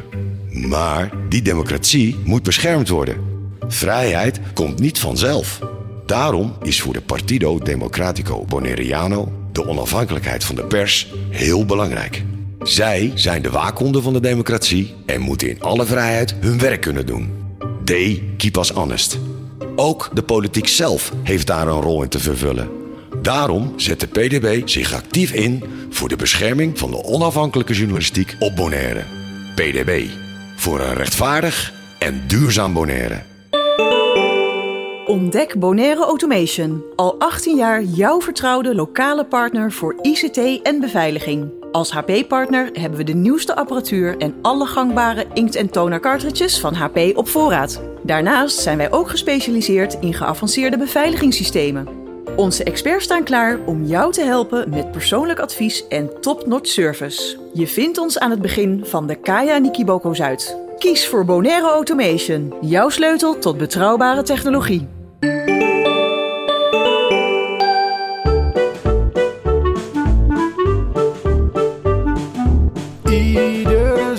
Zaterdag tussen 12 en 2. Live met Michiel en Martijn. Wat een feest! Dit is op de klippen. 901.1. Nou, dat was het net inderdaad een eh, bijzonder hilarisch eh, kerstliedje. Maar eh, ik heb het nu gehoord en nou... nou, daar hebben we het wel weer gehad. Dat hoef ik geen, zes meer te horen, geen 16 keer meer te horen. Maar inderdaad, grappig. Eh, grandma got run over by a reindeer by ehm, Elmo en Patsy. Ik heb niet gehoord wie Patsy was en wie Elmo was, maar eh, Maakt niet eh, uit. dat weten we dan. Maakt niet uit. Ehm, in ieder geval, nou, en nu heb ik zeker een kerstplaat gedraaid. En nu wil ik helemaal niemand meer horen over de kerst. Ehm, ander nieuws. Ik heb gelezen dat Clean Coast Bonaire heeft eh Toyamo Beach onder handen genomen. Wat is daar gebeurd? Nou, ze hebben eh, maar. eh, ze zijn in de tijd die ze ervoor hadden, ze hebben ze maar 50 meter van het uh, Tiamo Beach kunnen, kunnen schoonmaken. En op die eh, 50 meter hebben ze 2192 stuks afval gevonden. Nou ja, dat eh, is toch iets. wat, En eh, afval, afval als, als wat? Nou, een, een groot gedeelte eh, komt uit zee. Maar ehm, even kijken, eh, 892 eh sigarettenpeuken komen dan ja, uit zee. peuken is echt verschrikkelijk. Dat is zo goor. Ehm, en waarschijnlijk ook een heleboel eh, eh, kroonkurken. Eh, 549. Oh, oh je, hebt, eh, je hebt echt alles... eh, Nou, ik heb niet alles, want eh, er staan een aantal stukken. Als je dat bij elkaar optelt, kom je niet op eh, 2292 uit. Maar Hoe hebben ze dat gedaan trouwens? Want niet alles ligt aan de oppervlakte. nee, ze zijn echt gewoon goed gaan, gaan, gaan zoeken. En, en dus Echt ook gaan zeven of zo. Waarschijnlijk wel, ja. Waarschijnlijk wel. Wauw. Het, ze zeggen zelf ook van, van ja, de heel veel van het plastic afval dat is allemaal uit zee gedreven. Maar de, de zwaardere dingen, die zijn daar gewoon neergegooid. Ja, ja, het is verschrikkelijk ook daar. Eh, 892 sigarettenpeuken, 49 stukken gebroken glas, 17 papieren voedselcontainers, 20 plastic rietjes, eh, eh, 12 papieren rietjes, 549 metalen flesdoppen en 38 plastic decoraties. Wat dat zijn, weet ik niet, maar het staat er. Nou ja, er zijn natuurlijk eh, regelmatige feestjes op Ja, Theamo. ja. Dus dan wordt er van alles en nog wat opgehangen. Superleuk. En dat zie je gebeuren. En dan zit je, oh, wat leuk. Maar dan denk ik inderdaad, Neem het poeh, mee. neem het mee en ruim het op. En als Ja. je dan de volgende dag terugkomt, dan hangen alle taairipjes bijvoorbeeld. Hè, dan is Ja. die ballon daar, hoop je dan wel af. Maar het taairipje hangt er nog. Echt ja, dat erg. zijn, dat zijn inderdaad natuurlijk wel... eh, eh, ook vaak is het per ongeluk. Hè? Mensen, mensen proberen wel op te ruimen, maar er blijft dan iets liggen of zo. Er wordt een doorzichtig stukje plastic. Eh, ik vind glas vind ik een probleem. Er spelen kinderen Ja. daar ehm, heel veel. Ja, plus, plus Tiamo Beach is ook een, een, een beach waar dus schildpadden komen. ja, En ehm, ook alleen om die reden hou het netjes, want eh, die dieren hebben er gewoon heel veel last van. Ja. En dan die sigarettenpeuk. Ik, ik, nou, ik rook zelf niet, dus misschien. eh, maar volgens mij is dat nou juist het makkelijkste om gewoon te Ja, verzamelen. In een bekertje, beetje zand, je peuken erin, weggooien. Dat lijkt me zo. Dat is echt makkelijk. En Ja, dan er gooi je daar die kroonkurken meteen er bij vuilnisbakken. Echt serieus. Er staan gewoon vuilnisbakken. Dus waarom niet? Nee, ik heb, ik heb dus wel gerookt. En ehm, ik, het is heel makkelijk inderdaad. Je neemt zo'n flesje potje met zo'n Ja. draai- neem je mee. Eh, als je het heel netjes wil doen, dan eh, la- doe er nog een laagje water in. Zodat het inderdaad niet in de fik kan vliegen. En je gooit daar consequent daar al je, je, je peuken in. En je neemt dat mee en je gooit het thuis weg. Ik weet op... Hoe, eh, hoe ingewikkeld moet het zijn? Ja, Curaçao heeft, ik weet echt niet of het nog zo is, was een actie inderdaad. Dan stond er een soort containertje, een, een, een, een PVC-buisachtig ding. En daar zaten eh, van papier, weet je waar je ook water uit Ja. kan denken? Die, met een, met een, zodat het zand er dan uitloopt. En daar kun je dan eh, je sigaretten peuken en dan gewoon weer weg, daar weggooien. Dus op Mhm. het moment dat je op een aantal stranden daar kwam oplopen, stond er zo'n paal. En dan haal je zo'n dingetje uit en dan nou ja, kun je gezellig, eh, heel gezond roken. Maar dan, weet je, dus daar werd van alles gedaan. Eh, en ik weet helemaal niet of dat nog steeds bestaat. Maar als ik dit dan hoor, denk ik, oh ja. En dan zie ik dat dan voor me zo open. Oh, oh, mooi stieren. Oh, schat, ja, fantastisch. Oh, pff, pff, pff. oh, wauw, wauw. Oh, great, wonderful. En dan blop, blop. En dan zit je... Nee, Dat- eh, Nee, maar ook, maar ook de, zitten gebaren bij. Eh, Ja, oké, als je laat hoort, maar. Dan is ze aan het roken. En als ze Ja. blop, blop, blop doet, Blop, blop. dan Nou, is dan ze is iets dat aan het gewoon... Ja, kom op. Nou, nee, voor Maar mij... Ik het- vind het heel hetzelfde- erg het- dit. Hetzelfde met, met de kroonkurken. Als, Ja. je, als je een flesje bier eh, wil drinken op, eh, op, op, je op het strand, eh, uitstekend, prima. Maar doe dan niet zo tsk en dan dat, eh, Dus dat, dat dat. weggooien. Maar Ik snap dat niet. heb een emmertje, mm, gewoon een emmertje bij je hebben waar het gewoon, dat afval gewoon in kan stoppen. Nou, wat ik bijvoorbeeld heel goed vind eh, van eh, onze vrienden bij Sorbonne.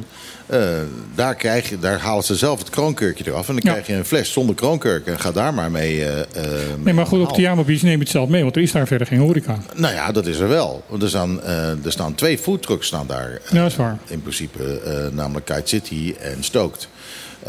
En ik weet eigenlijk niet hoe die, hoe die het doen. Eh, nou, misschien- maar heel, veel- heel veel mensen nemen zelf eh, drinken mee hoor. Ja, tuurlijk, dat sowieso. En, en dat zijn denk ik de grootste boosdoeners. Maar ehm, eh, kijk, wat je ook hebt, heb je natuurlijk. Eh, man, ik kom niet meer uit de woorden. Je hebt die blikjes en er zitten van die, van die treklipjes aan. ja. Maar die lipjes, heeft, iemand heeft daar helemaal de moeite gedaan om te verzinnen dat je dan zo'n likje- zo'n lipje kan gebruiken. En dat het dan gewoon aan het blikje blijft zitten. Maar dan heb je altijd van die zenuwpezen. En ik ben er zelf ook een van. Die gaan eindeloos zitten klooien aan dat lipje totdat het lipje eraf is. Ja. En die lipjes die eindigen altijd in het zand. Ja. Ja, Dus- dat is inderdaad wel. eh, nou goed, maar ik vind het wel tof dat er dus echt groepen mensen zijn of Ja. organisaties die gewoon dit willen doen en de moeite nemen. En het lijkt me namelijk. eh, nou, aan de ene kant is het natuurlijk heel erg van wauw, kijk wat we hebben. Ehm, je weet wel waar je het voor doet. Maar aan de andere kant zou het ook zo leuk zijn als dan zo'n groep gaat en dat ze echt na drie uur zeggen. Nou, het was één sigarettenpeuk en een stukje glas. Joepie. Dat- Ja, dat zou mooi zijn. Zo. Maar ja, aan de andere kant ben ben je, bang dat het een utopie is hoor. Ja, ben- je clean coast boneren en ben je drie uur bezig en dan heb je alleen maar één peukje, dan eh, heb je ook wel de pest in, denk ik. Maar Ja, dat Nee, nee, dan nee, zou dus- ik dus echt heel tevreden zijn. ja, Ja. ja oké. oké. Want dat is Maar- je missie. Je missie is natuurlijk Ja. wel uiteindelijk ook met dit soort berichten van eh, mensen bewust maken. Wie zijn dit trouwens? Wie zijn clean coast boneren? Dat staat er niet bij. Ik, wil- ja, ik wil die mensen. eh, Ik weet niet of ze luisteren, maar als ze luisteren, eh, neem even contact met ons op. Ik wil zo iemand aan tafel hebben. Ja, Dat lijkt mij interessant genoeg. mij ook. Toch? Laat, niet laat dan? alsjeblieft komen. Ja. Eh, eh, maar in ieder geval bedankt, Clean Coast Boneren, dat jullie dit gedaan hebben. Eh, heel goed. nog even een waarschuwing. Portugese oorlogsschepen. Portugese oorlogsschepen, de Portugezen zijn weer bezig. Ze komen weer met hele vloten komen ze deze kant uit. En nee, het is een kwal. Of eigenlijk, het is geen kwal. Het is een siphonophore, zeg ik dan. En er zitten, ondertussen zitten er zitten dames van Sinapen erbij. En hele grote ogen te trekken dat ik sowieso het woord siphonophore kan uitspreken. Eh, maar een, het is geen echte kwal. Het is een... eh, ehm, het is een, een, een De namakwal. het is eigenlijk een combinatie van, ehm, eh, van organismen die eh, samen de, het Portugees oorlogsschip hebben bedacht. Eh, het, ehm, boven water zie je een hele, gro- eh, nou ja, een hele grote. Een, een, een, een bel, een grote paarse bel boven water. En eh, daaronder hangen dan van die hele lange tentakels. En dat kan tot en met 7 meter lang worden. Ik hoorde zelfs 50 meter, maar dat leek wel erg lang. Nee, ik denk niet 50 Nee, meter. wel zeven best meter, lang. maar goed, ben je duiker, dan heb je dat natuurlijk helemaal niet in de gaten. En dan kun je zomaar in zo'n eh, in zo'n tentakel terechtkomen. En ze zijn enorm pijnlijk. Eh, kunnen zelfs eh, littekens veroorzaken. Eh, maar het grootste probleem is dat ze eh, kunnen verlammen. Dus als je als eh, duiker onder water zit en je wordt, komt, wordt komt echt goed gestoken door die beesten, dan, Dan kan je verdrinken. krijg je ademhalingsproblemen en dergelijke. Dan zou je kunnen verdrinken, tenzij je natuurlijk een goede buddy bij je hebt. Maar goed, als je al, gewoon alleen maar aan het snorkelen bent, dan heb je meestal geen buddy bij je. Nee, maar dan, dan lig je aan de oppervlakte en dan kun je hem in elk geval zien. Ja. Want ze zijn wel heel zichtbaar aan de oppervlakte. Eh, onder water wordt het wat moeilijker met die eh, tentakels, maar die zijn ook wel paarsig. Eh, en, en die kun je ook wel zien. Maar ja, je moet opletten. Kijk, heb je zo'n zo'n masker op je knar, dan heb je toch wel tunnel vision. Je kunt niet goed links en rechts en als je met je gezicht naar beneden zit, ook niet naar voren kijken. Dus dan kom je er on, op, ongemerkt toch wel dichtbij. Dus let op, want die Portugese slagschepen liggen er. Nepkwallen. Zo, dat heb ik gezegd. En eh, daarmee kan ik zeggen, de dames van Sinapa zijn aanwezig. Ja, we Hallo zijn er allemaal. weer. En ze- zelfs in uniform. Altijd. Allebei, Ja. allebei. Het is eh, radio, hè, geen televisie. Dus Oh ja. eh, je had er gewoon in je vrije tijdskleding kunnen komen. Nee, nee, nee, want we hebben direct een fotomoment. Oh ja, natuurlijk. Ja, ja heel goed. Ja, wij worden geacht om eigenlijk altijd in uniform te lopen als we aan het werk zijn. Dus eh, zodat we herkenbaar eh, ons werk doen. Dus dat doen we dan ook hier. Wij, maar. wij ook. Juist daarom. Maar ben je vandaag aan het werk of heb je meer zoiets van... nou, we komen eh, dit interview doen en daarmee zijn we aan het werk. Die uren die gaan we declareren en we komen aan de tafel Nou. zitten. Hoe zit dat? Daar, die uren worden niet echt gedeclareerd. Eh, we zijn er gewoon en vinden het leuk om hier weer te zijn. Dus dank voor de uitnodiging. Wij vinden het en we ook kijken leuk vooral uit naar kerst, denk Ja, ik. Ja, dat zeker. Oh, nou pas op, dat moet je niet te hard zeggen... want voor je het weet krijg je een kerstmis op je kop gedouwd. Enig. Ik vraag. Kijk, oké, Ik heb het gezegd, zal ik hem opzetten? Lo- Lula heeft je Ja. gehoord. Mijn hoofd een beetje te groot, maar dus, ja. eh, nee, volgens mij zijn het gewoon hele kleine mutsjes. Het staat je prachtig. Daarom, daarom. Oh, kijk, die van Roxanne is nog mooier. Ja, die had ik net op. eh, dus Doen die, we ook met de foto. die is nu een Yes. beetje flubby. Maar ja, Kijk, met de kop dat bedoel gaat het niet, eh, niet echt werken.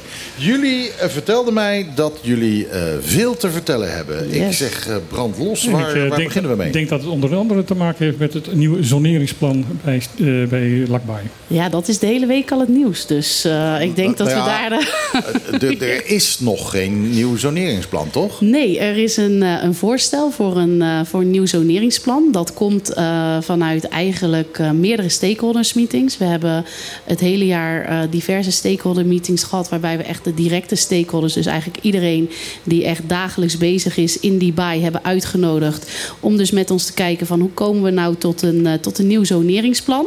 Het oude zoneringsplan dat, eh, dat stamt uit 1991. Eh, nou, in, sinds, die tijd is er veel gebeurd. Ja, er zijn, er ja. zijn nieuwe vormen van surfen bedacht. Ja, ook dat. En, maar ook gewoon ander gebruik. En wat wij eigenlijk zagen in de aanloop naar ons Resembit-project... dat is het LACPA Semper-project... eh, waarbij we ook financiering krijgen vanuit de Europese Unie... is dat wij gewoon heel veel meldingen kregen over ook conflict van gebruik. Dus dat ja, mensen zeiden dit mag hier niet en dat mag daar niet. En ja, eigenlijk die zonering... Ja, wat erin staat kan en wat er niet in staat kan niet. Dus ja, die zonering die loopt ook niet echt mee... met het nieuwe gebruik wat we daar hebben. Dus in die optiek ehm, ja, zijn we gaan kijken naar een, eh, een ander zoneringsplan. Ja, zoals foil surfers, eh, dat is dus nieuw. Ja, maar we kregen ook veel meldingen bijvoorbeeld over suppers. Dus Oh ja, eh, mensen ja. die dan gaan suppen en die dan Wat in de is groep... in hemelsnaam suppen? Dat is eh, stand-up paddling. Dus dan heb je zo'n Ah, surfplank en dan kan je erop staan en een beetje Wat is de paddelen. afkorting? Dat heb ik nooit geweten. Ik wist wat suppen was, maar ik wist niet dat sup staat voor stand-up paddling. Ja, ja. Ja, nee, Dan sta je dus op zo'n eh, op zo'n zo'n Ja, surfplank. ja, ja. Dat, zonder- dat, dat, dat- nu, nu ik de, de uitleg van de, van de afkorting ken, eh, dan begrijp ik het. Ach joh, ik, ik voer hele discussies over hamsterballen. Dan willen mensen hamsterballen erin leggen. En dan gaan ze als een hamster in zo'n bal gaan ze door die, die baai heen lopen. Och, nou ja, met alle gevolgen van dien. Ja. Oh god. Wie wil dat? Nou, mensen, en die komen dan bij Stinapa. Die wil over het water heen, maar ze willen niet nat worden. Nee, maar, ja, maar dan sta je in zo'n hamsterbal en dan is hij lek en dan zink je en dan Nou zit je ja, vast in die dus. bal. Juist, dat dus. dus dat is dan niet handig om te combineren met mangroven die uitsteken en zo. Dus ja, zo, zo hebben wij dan allerlei discussies gaande bij Stinapa over dat gebruik. En we vonden dat dat wel wat minder kon. Ehm, en ja, in die optiek hebben we dat dus ook ingezoneerd. Of eh, dat soneringsplan in eh Resembit ook gezet. En ja, dat betekent dat er voor ons natuurlijk wel een, ook een soort datum aanhangt om wel te komen tot een einde van het proces. En ja, we zijn er nu ruim een jaar mee bezig. Uh, dus ja, onze bedoeling is wel om uh, in het eerste kwartaal van volgend jaar dan te komen tot het nieuwe zoneringsplan. mag ik voorstellen om hamsterballen alleen hier in de baai, eh, hier Zodat voor ze te doen. flink weg- Zodat als ze, als ze wegwaaien, dat ze allemaal naar Curaçao. Ja. Allemaal naar Curaçao, dat soort Ja, lui. dat is zeker wel een voorstel. Dan eh, mag je ook wel een reddingsboot extra gaan eh, Ja, aanschaffen. nee, want ze komen toch naar Curaçao. Ja, ze komen er wel. Ze Het duurt misschien een paar uur, maar ze komen er wel. Even doorlopen. Het duurt een paar dagen. We hebben Citro, dan kan Citro gaan redden. Dat is ook leuk. Ja. ja. Nou, is iedereen bezig. Dat, Ja. is, toch wel, ja, dat is een eh bon plan. Ehm, wat ik heb van meegekregen van, eh, van het hele plan en de hele discussie is dat er ehm, eh, zeer gemengd op gereageerd is. Zullen we het zo maar zeggen? Ja, dat is een, eh, nog een understatement, denk ik. Dus eh, ja, er, is, er is op gereageerd. Maar dat is ook natuurlijk wel wat we wilden. Want de reden dat we het naar buiten hebben gebracht... is juist ook om feedback te krijgen. En dus te zeggen van, we willen het niet doen... zonder ook echt feedback van het publiek. Ehm, ja, we hebben het naar buiten gebracht. Eh, het jammer is wel natuurlijk dat... eh, ja, het is een zo- zoneringsplan. Dus we spreken niet over een bestemmingsplan. Dus dat is natuurlijk jammer dat dat een beetje anders werd vertaald in de media. Ehm, maar ja, nee, dat er heftig wordt gereageerd is aan de ene Voor de kant mensen goed. die dat niet snappen, leg uit wat het verschil is tussen een bestemmingsplan en een zoneringsplan. Een bestemmingsplan gaat eigenlijk over de in- invulling van je ruimtelijke ontwikkeling. Dus eh, hoe bestem je bepaalde gebieden en waarvoor mogen bepaalde gebieden dan eh, ja, worden gebruikt. En wat wordt er dan toegestaan qua bouw, qua gebruik, al dat soort zaken.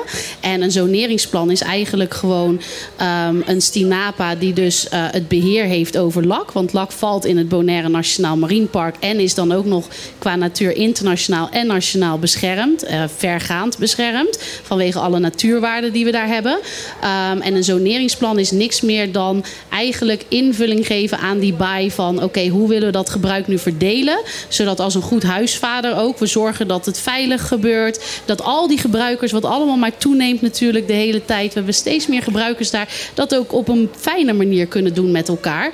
En dat wij daar dan ook op kunnen toezien. Want dat is wel onze taak. Een beetje de, huis, de, de ouders die tegen kinderen zeggen van in de speelkamer speel je, in de studeerkamer studeer je. Juist, en dat maakt die heftige reacties. Ja, omdat Ja. er dan, dan wordt gezegd van Ja. ja, speelkamer en studeerkamer. Ja. Maar eh, eh, Ik wil, ik wil spelen in de studeerkamer. ja, precies. Juist. En, eh, en ik wil me omkleden in de studeerkamer. Ja. Zeg maar wat. Ja, en dat zie je nu gebeuren. En dat is ook goed. Want nogmaals, die, we, we zoeken ook echt die publieke feedback. En dat zullen we ook echt heel serieus nemen. Dus daar gaan we ook zeker naar, naar kijken. En we gaan ook kijken van dit is nog niet de definitieve zonering. Nou, dat, Ja. dat, dat is mij opgevallen. Want ik, eh, eh, ik heb eh, de, de stukken er wel een beetje over gelezen. En dan wordt er heel duidelijk gezegd van dit is een plan. We gaan pas in 2025 gaan we het invoeren. In, in die tussentijd willen we veel eh, feedback hebben. We willen veel. Maar dat er dus door heel veel gebruikersgroepen dus nu gereageerd wordt van dit is het plan en daar zijn we het niet mee eens. Ja, en ik denk ook een beetje, heel veel mensen reageren op de bestaan, bestaande zoneringsplan. En zoals Judith al heeft aangegeven, die is er al sinds 1991. En dat weten heel veel mensen niet. Dat, nee, dus dat is wel een beetje van... Het is niks eh, nieuws dus. Het is niet nieuw. En ook als we kijken naar de feedback die we tot nu toe hebben gekregen van de stakeholders die betrokken waren bij de, de stakeholder meetings en de sessies, is er ook niet heel veel verandering erin gekomen. De grootste stap was dat eh, mensen vonden dat het een beetje te ingewikkeld was hoe de zonering eh, was opgezet. Eh, je had veel te veel gebieden en het was een beetje onduidelijk van wat nou eigenlijk wel mocht en niet mocht in verschillende plekken. Dus het grootste verschil is dat we het een beetje hebben gesimplificeerd. En dan willen we vooral aan de mensen vragen van oké, maar hoe zien jullie nou het gebruik van lak veranderen? Dus eh, inderdaad, 30 jaar geleden toen we die zoneringsplan hadden bedacht, hadden we geen hamsterballen. En ook geen sapping. eh, maar ook geen foiling bijvoorbeeld. Maar dat En is er. was ook en nog kiten was ook nog veel onbekend. Dus, maar dat hebben we dus nu wel. En dat willen we dus vooral samen met eh, niet alleen de stakeholders, maar ook gewoon het algehele publiek kijken van hoe kunnen we deze verschillende activiteiten in het Marine Park, hoe zeg je dat? Ja, eigenlijk gewoon samen laten komen. En dat betekent dus soms In ook... discussie komen. Ja, dat betekent in discussie komen. En dat betekent ook met elkaar spreken over, nou, wat is nu de juiste manier van gebruik in dit gebied?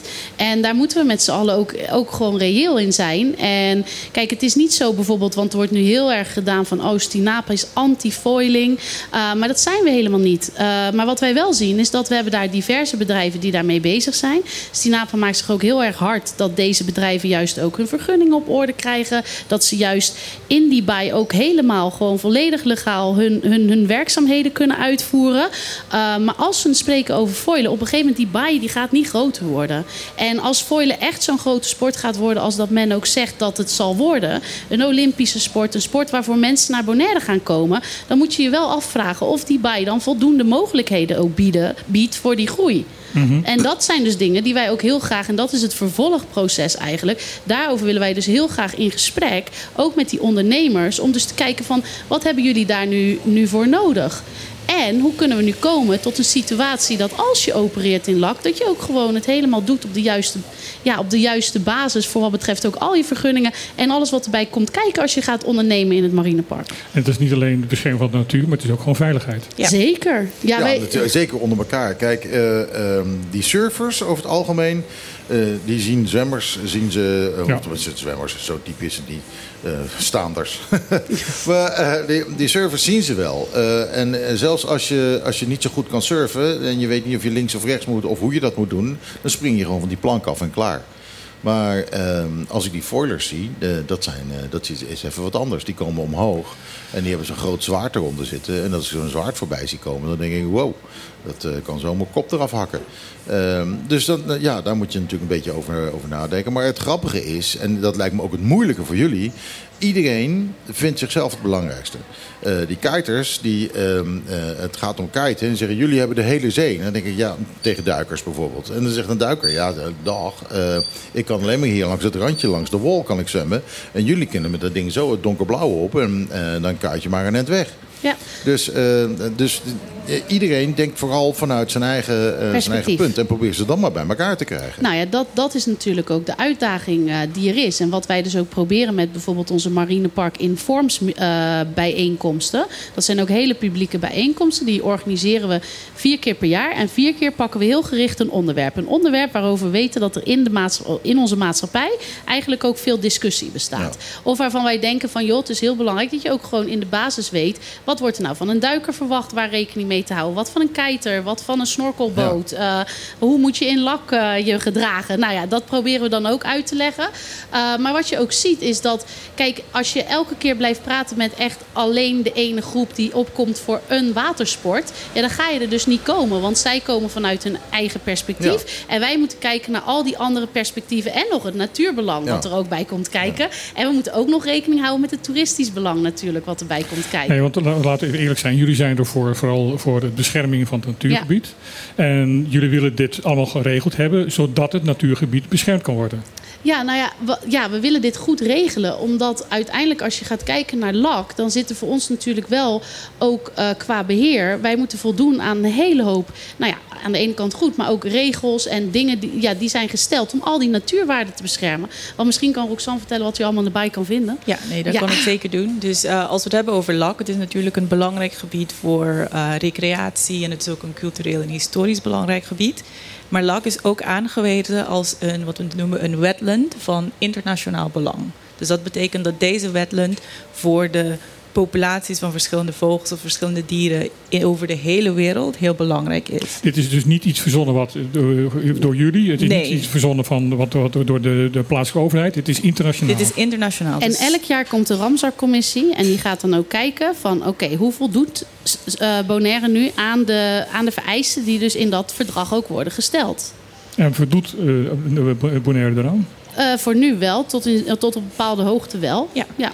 Dus, uh, het is tot op bepaalde tot hoogte, dus eigenlijk voor een gedeelte ook niet. Nou ja, het heeft natuurlijk ook te maken met als je dat verdrag leest... dan wordt er vooral gesproken over een, een, een wijs gebruik. Wijs use of the bay. Ja, ja. Um, en ja, nogmaals, er zijn natuurlijk wel heel veel ontwikkelingen gaande. Ook in die bufferzone, hè, qua bouwen en, ja. en dingen die je daar net op die grenzen ziet zitten. Waarbij dan de vraag is van in hoeverre voldoe je nog? Want als je op een gegeven moment die bufferzone ingaat... ja, dat kan wel problematisch zijn. Want, uh, jullie hebben niet alleen bedreiging vanuit het water... bedoel, uh, met, met, met gebruikers en toeristen. Maar jullie hebben ook um, bedreiging vanuit de, uit het land. Ja, uh, van bebouwing. Van bebouwing. Dus een van de dingen wat Bonaire zo uniek maakt, maar dan ook wel gewoon een beetje een bedreiging voor, voor, de natuur, voor natuurbehoud, is dat alles wat op land gebeurt, omdat het zo'n klein eiland is, invloed heeft op de zee. Dus ook als we het hebben over dat gebied dat de, wat Judith zegt, de bufferzone, alles wat in de bufferzone gebeurt, kan invloed hebben op wat er gebeurt in de Mhm. baai. En dan hebben we het vooral gehad over, in het verleden over erosie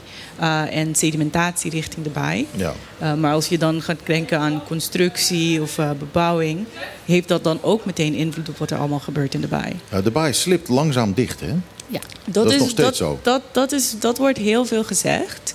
Um, en we hebben laatst een studie ge gezien uit, ik denk, 20 of 30 jaar geleden, waar ze dan op verschillende plekken de dieptes van de baai hebben gemeten. En die hebben we naast een studie gezet die in 2017 de verschillende dieptes in de baai heeft gemeten. En daar merk je eigenlijk heel weinig verschil. Okay. Nou, nog een paar caveats erbij, want natuurlijk, we weten dat in de baai heb je best veel invloed van uh, de, de tides. Ja. Dus ik weet, we moeten nog eventjes goed gaan kijken naar wanneer precies die metingen zijn gebeurd. Uh, maar het is, het is nog een beetje, we weten dat er een sedimentatiekwestie of een uh, sedimentkwestie speelt in de baai. Ja.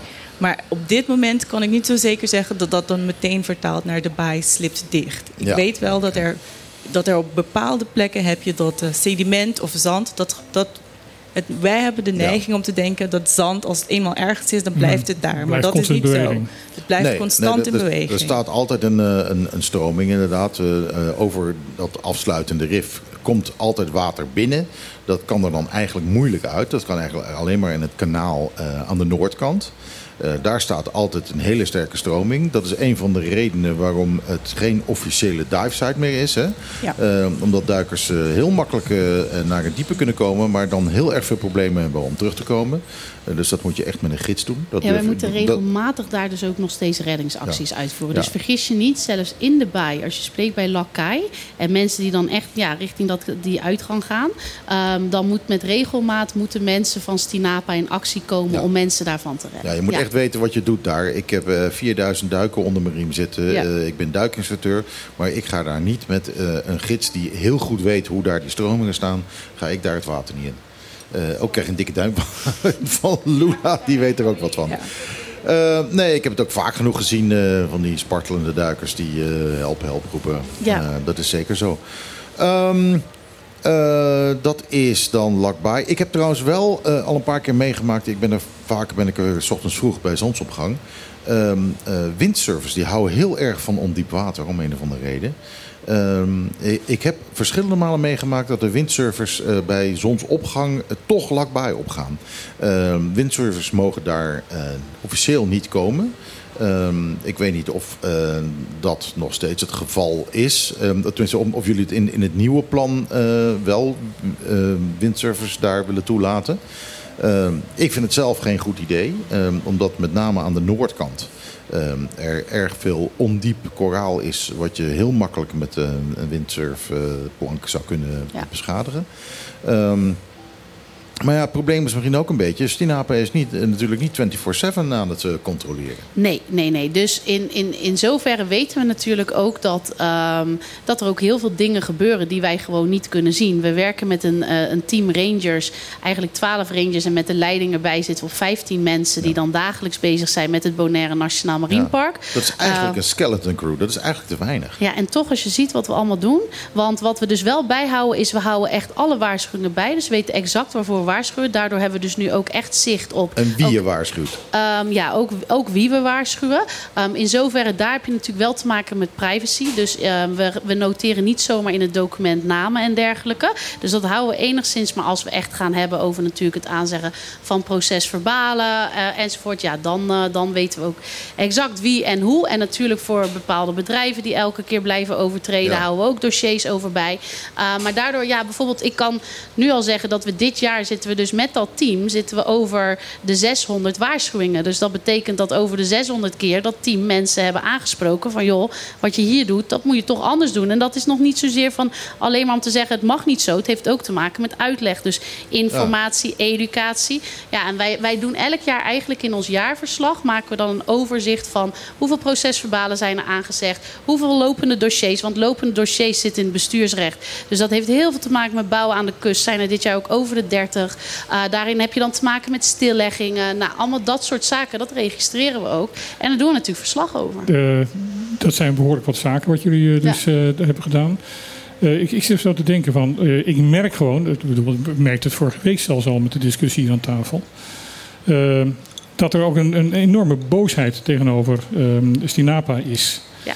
Ja, Eh, jullie hebben ook al eerder verteld dat, er, eh, eh, dat je niet eens meer in je Sinapa-auto eigenlijk over straat wil. Omdat er Bij tijd en wijlen. Bij tijd en wijlen, ja. En dat Ja. is natuurlijk verschrikkelijk. Maar ja, aan de andere kant, er, er is zoveel wat gewoon gedaan moet worden.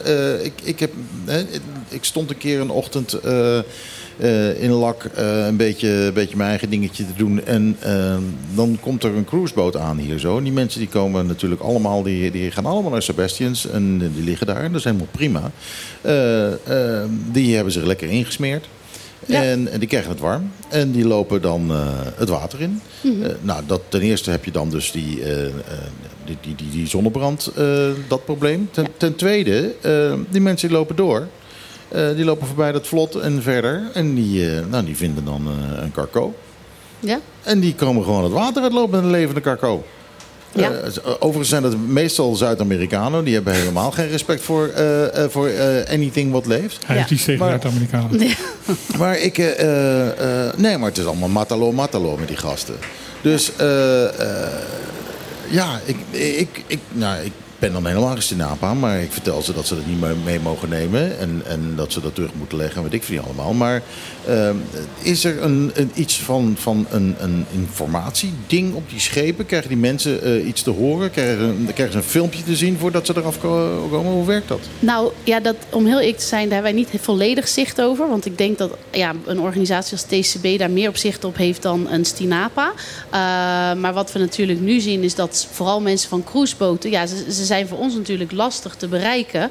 Eh, wij doen wel on-island. Dus we kijken wel bijvoorbeeld Ja. naar echt operators die met cruisegasten werken. Ja. Van om daar dan informatie aan te, ge- eh, te geven. En dan ook ja, ervan uitgaan en hopen dat zij dat dan weer doorgeven aan de mensen die met hun op tour eh, gaan. Ehm, maar ja, de cruiseboten am zich, daar hebben wij geen direct contact mee, toch? Ja, want die Yahoo's die nemen gewoon een taxi. En die gaan zo'n Ja. take me to the beach. En die worden naar het, het strand gebracht daar. Ja. En, en ja, die gaan los.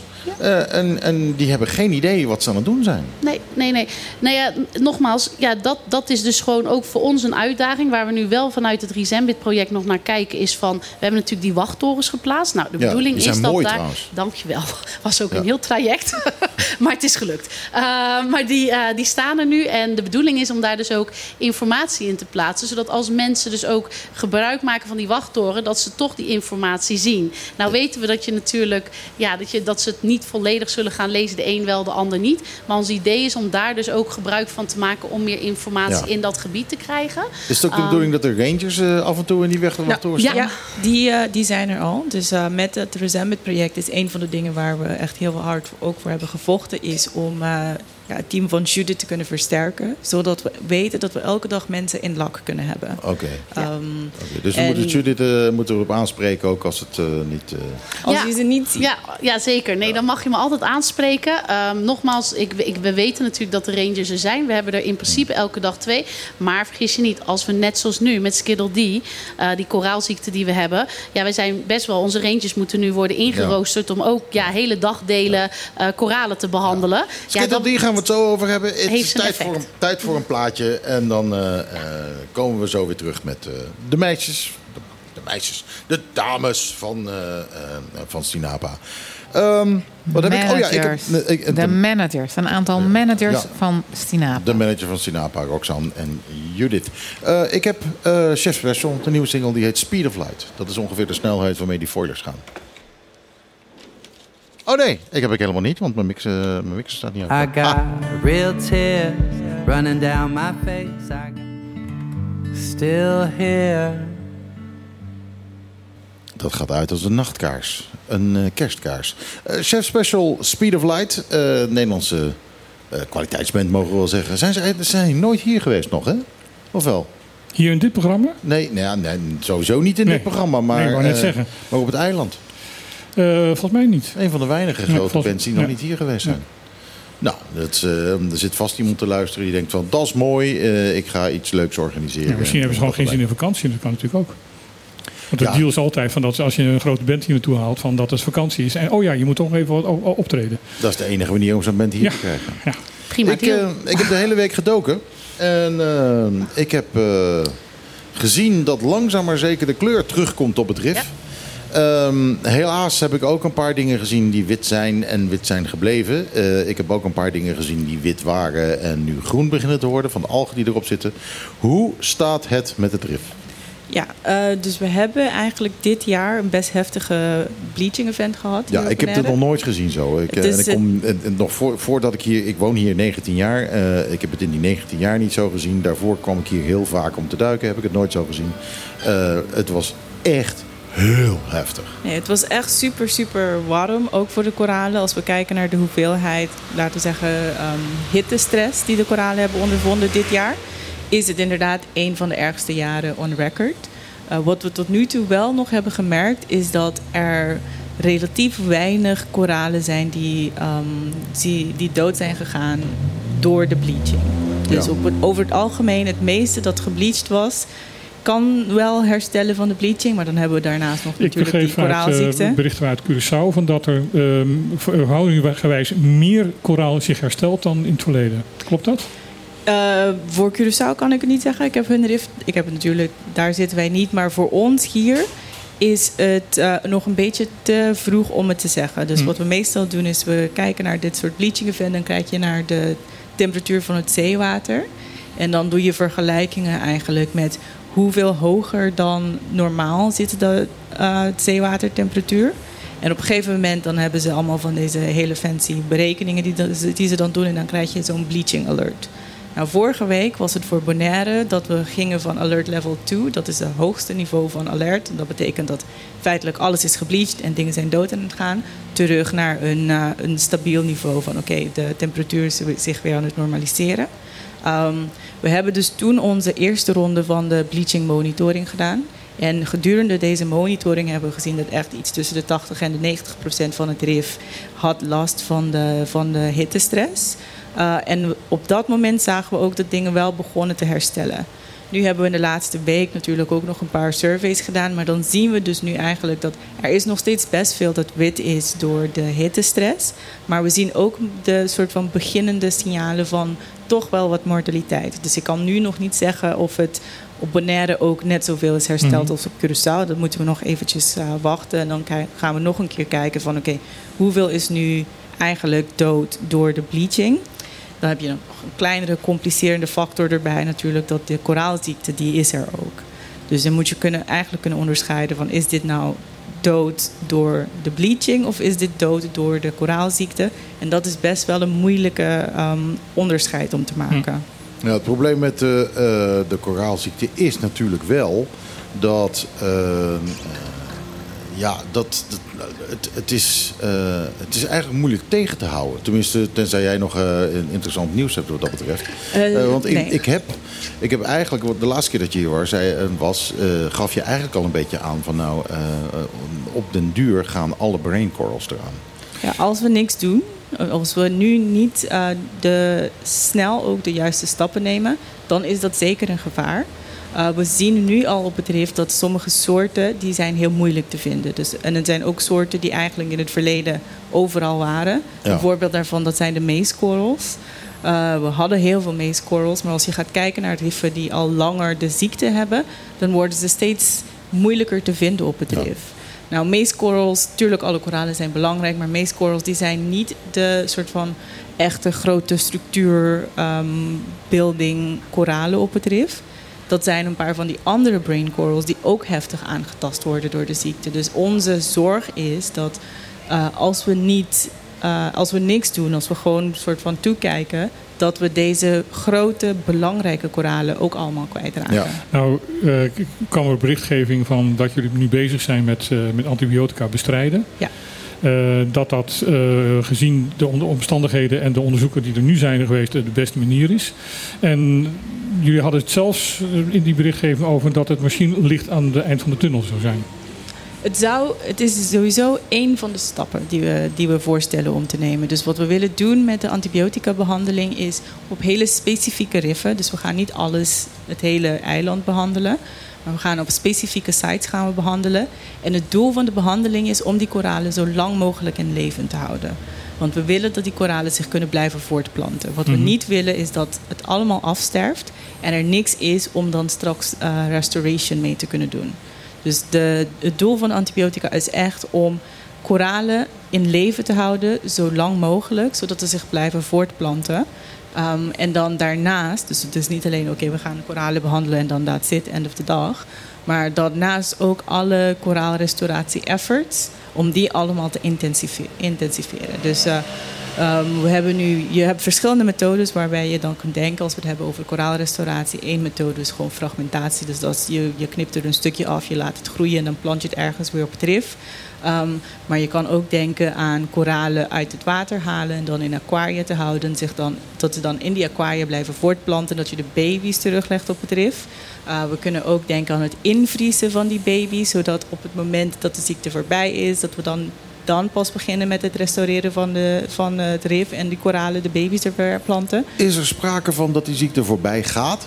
Nou, dat, is dus de, dat is dus een hele belangrijke vraag waar we nog geen antwoord op hebben. Want in Florida is het al bijna tien jaar dat de ziekte daar is. En die is er nog steeds. Dus onze insteek op dit moment is dat de ziekte gaat blijven. Ja, hier te uh, dat het, het is hier en het gaat hier blijven. En als dat niet zo is, is het natuurlijk goed nieuws. Maar beter dan er, dat we ervan uitgaan dat het wel gaat blijven... dan dat we ervan uitgaan dat het weggaat. de enige manier om het op te lossen is te zorgen dat, het, uh, dat je koraalsoorten krijgt... die resistent zijn Precies. tegen. En dat is dan ook de lange termijn planning. Want op dit moment is het nog te vroeg om te zeggen of we hier op Bonaire um, hoeveel resistentie we hebben in onze koraalpopulatie. Even voor alle duidelijkheid, uh, wat extra informatie. Ik had het er laatst met iemand over in Nederland. Die zei van, ah, al die, die restauratie, dat is allemaal onzin. Want koraal groeit zo langzaam, dat heeft geen enkele zin. Koraal groeit inderdaad heel langzaam. En dat is ook waarom wij, als wij het hebben over dit plan... dan hebben we het niet over een plan voor de komende vijf jaar hebben we het echt over een plan voor de komende 10 à 20 jaar. Want koraal groeit inderdaad super langzaam.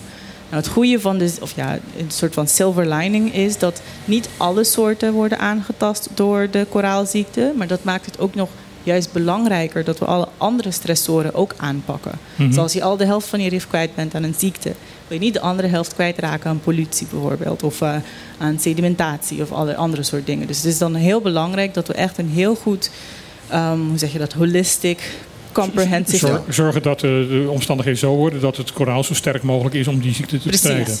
Ja, er heel veel ballen in de lucht. Ja. Dat zeker, ja. Maar naast het, uh, naast het maken van plannen is het ook gewoon heel belangrijk om uit te voeren. Want als je gaat kijken naar de situatie die we nu hebben, uh, bijvoorbeeld wat we ook hebben gezien met de hele aanloop van toestemming krijgen om die antibiotica in te zetten. Eigenlijk, um, en dat is heel begrijpelijk, hè, want we hebben hier te maken met ook een Nederlandse overheid die daar iets van wil vinden. Um, het is ook heel belangrijk om daar iets van te vinden. Um, maar wij zijn daar wel begonnen mee met in oktober 22. En vervolgens kregen we lokaal de toestemming begin maart uh, dit jaar. En dan moet je weer eigenlijk ook weer een hele tijd wachten op Nederland. Dus het is ook heel belangrijk dat heel duidelijk is hoe die samenwerking loopt. Want anders ben je telkens aan het wachten. Dit is heel belangrijk wat je nu zegt. Ja. Want uh, jullie hebben heel veel kritiek gekregen over waarom doen jullie niks. Maar ja. dat is dat je op zit te wachten op toestemming. Ja. ja. Ja, want nu, kijk, nogmaals, nu hebben we toestemming. Maar die toestemming hebben we pas sinds november. En dan moeten vervolgens moet, moeten we weer met z'n allen uitzoeken hoe komen we aan die antibiotica. Uh, dus we kunnen daardoor ook in mindere mate behandelen dan wat nodig is. Uh, en dat is ook logisch, want je moet je antibiotica-pijl voor het behandelen van mensen ook weer op peil houden. Uh, maar dat, dat betekent. Is dat dezelfde antibiotica? ja. ja. Het is, uh, dus de antibiotica die we gebruiken is amoxicilline. En dat is de meest voorgeschreven antibiotica ter wereld. Voor mensen? Voor mensen, voor, voor dieren, dieren, voor alles. Dus het is geen... Er is in ieder geval wel een grote productie. Er is een grote productie, maar wat we nu tegenaan lopen... is eigenlijk dat de, de availability lokaal mm -hmm. een probleem is. Ja. Dus dat er, het is niet zo dat ik gewoon naar een warehouse kan gaan en nee. dan zeggen ik wil twee kilo. Nee, en er is een wereldwijd probleem dat er tekort aan medicijn is. Hoe, hoe pas je het toe? Uh, is het gewoon een, een, een, spuitje en een wolkje van het spul over die. Over, over, nou, hoe werkt het? Eigenlijk op heel simpelweg ja, maar we hebben een, uh, een mengsel van klei. En daar wordt de antibiotica dan in gemengd. Mm -hmm. En dat wordt dan aangebracht op het zieke koraal, maar alleen op het zieke gedeelte. Ja. Dus het is een hele soort van targeted application, hoe antibiotica gebruikt hoort te worden. Ja. Je hebt een, mm. Dus je met alleen... andere woorden, je zet het niet preventief in. Nee. Uh, je zet het alleen maar op het zieke koraal. En, en dan hoop je dat, het, uh, dat daardoor de ziekte zich niet gaat verspreiden. Precies. En op het moment dat je dan een koraal hebt behandeld, en daar hebben heel veel mensen heel veel studies naar gedaan, op het moment dat je een koraal behandelt, drie, of nee, eigenlijk was het twee jaar later, twee à drie jaar later, zijn iets van 80% van de behandelde koralen die zijn nog in leven. En op dit moment is de antibiotica-behandeling het enige wat dit soort resultaten heeft kunnen behalen. Uh, het, het, het, uh, als ik de naam hoorde, is het een breed spectrum, spectrum uh, antibioticum. Ja. Dus jullie weten eigenlijk nog steeds niet welke de bacterie het is. Nee, dat weten we niet. Daar zijn nog steeds heel veel mensen mee bezig. En ze hebben een soort van het kunnen. Ja, nu moet je kijken naar een, de bacterial load in het water is super groot. Mhm. En daarvan kunnen we misschien 1 of 2 procent van die bacteriën die in het water zitten, kunnen we in het lab kweken. Dus heel veel kunnen we niet eens identificeren wat het is. Want Maar je we weet niet eens of het een bacterie is. Het kan ook een virus zijn, toch? Het zou een virus kunnen Maar zijn. doet maar antibiotica niks. Precies. Ah, Omdat, omdat de antibiotica er tegen werkt, is, de, is het hoogstwaarschijnlijk dat we het hebben over, over, Het over grootste misverstand dat er bestaat. Hè? Mensen die zeggen, ik, ben, ben, ik heb griep, ik heb wel antibiotica nodig. Nou, dat is Ja. onzin, want antibiotica werkt niet bij een virus. Anders hadden we namelijk ook COVID met antibiotica kunnen behandelen. Precies. En wat die antibiotica meestal doen is als je een bacterie hebt, die heeft dan een soort van een, een wand, eh, een muur rond de cellen. En wat die antibiotica doet, die tast die muur aan, waardoor de bacterie doodgaat. Dus wat we weten van deze bacterie is, het is een bacterie waar tegen deze specifieke soort antibiotica werkt. Ehm, maar ve- verder dan dat weten we eigenlijk Waarom niet weten we zoveel.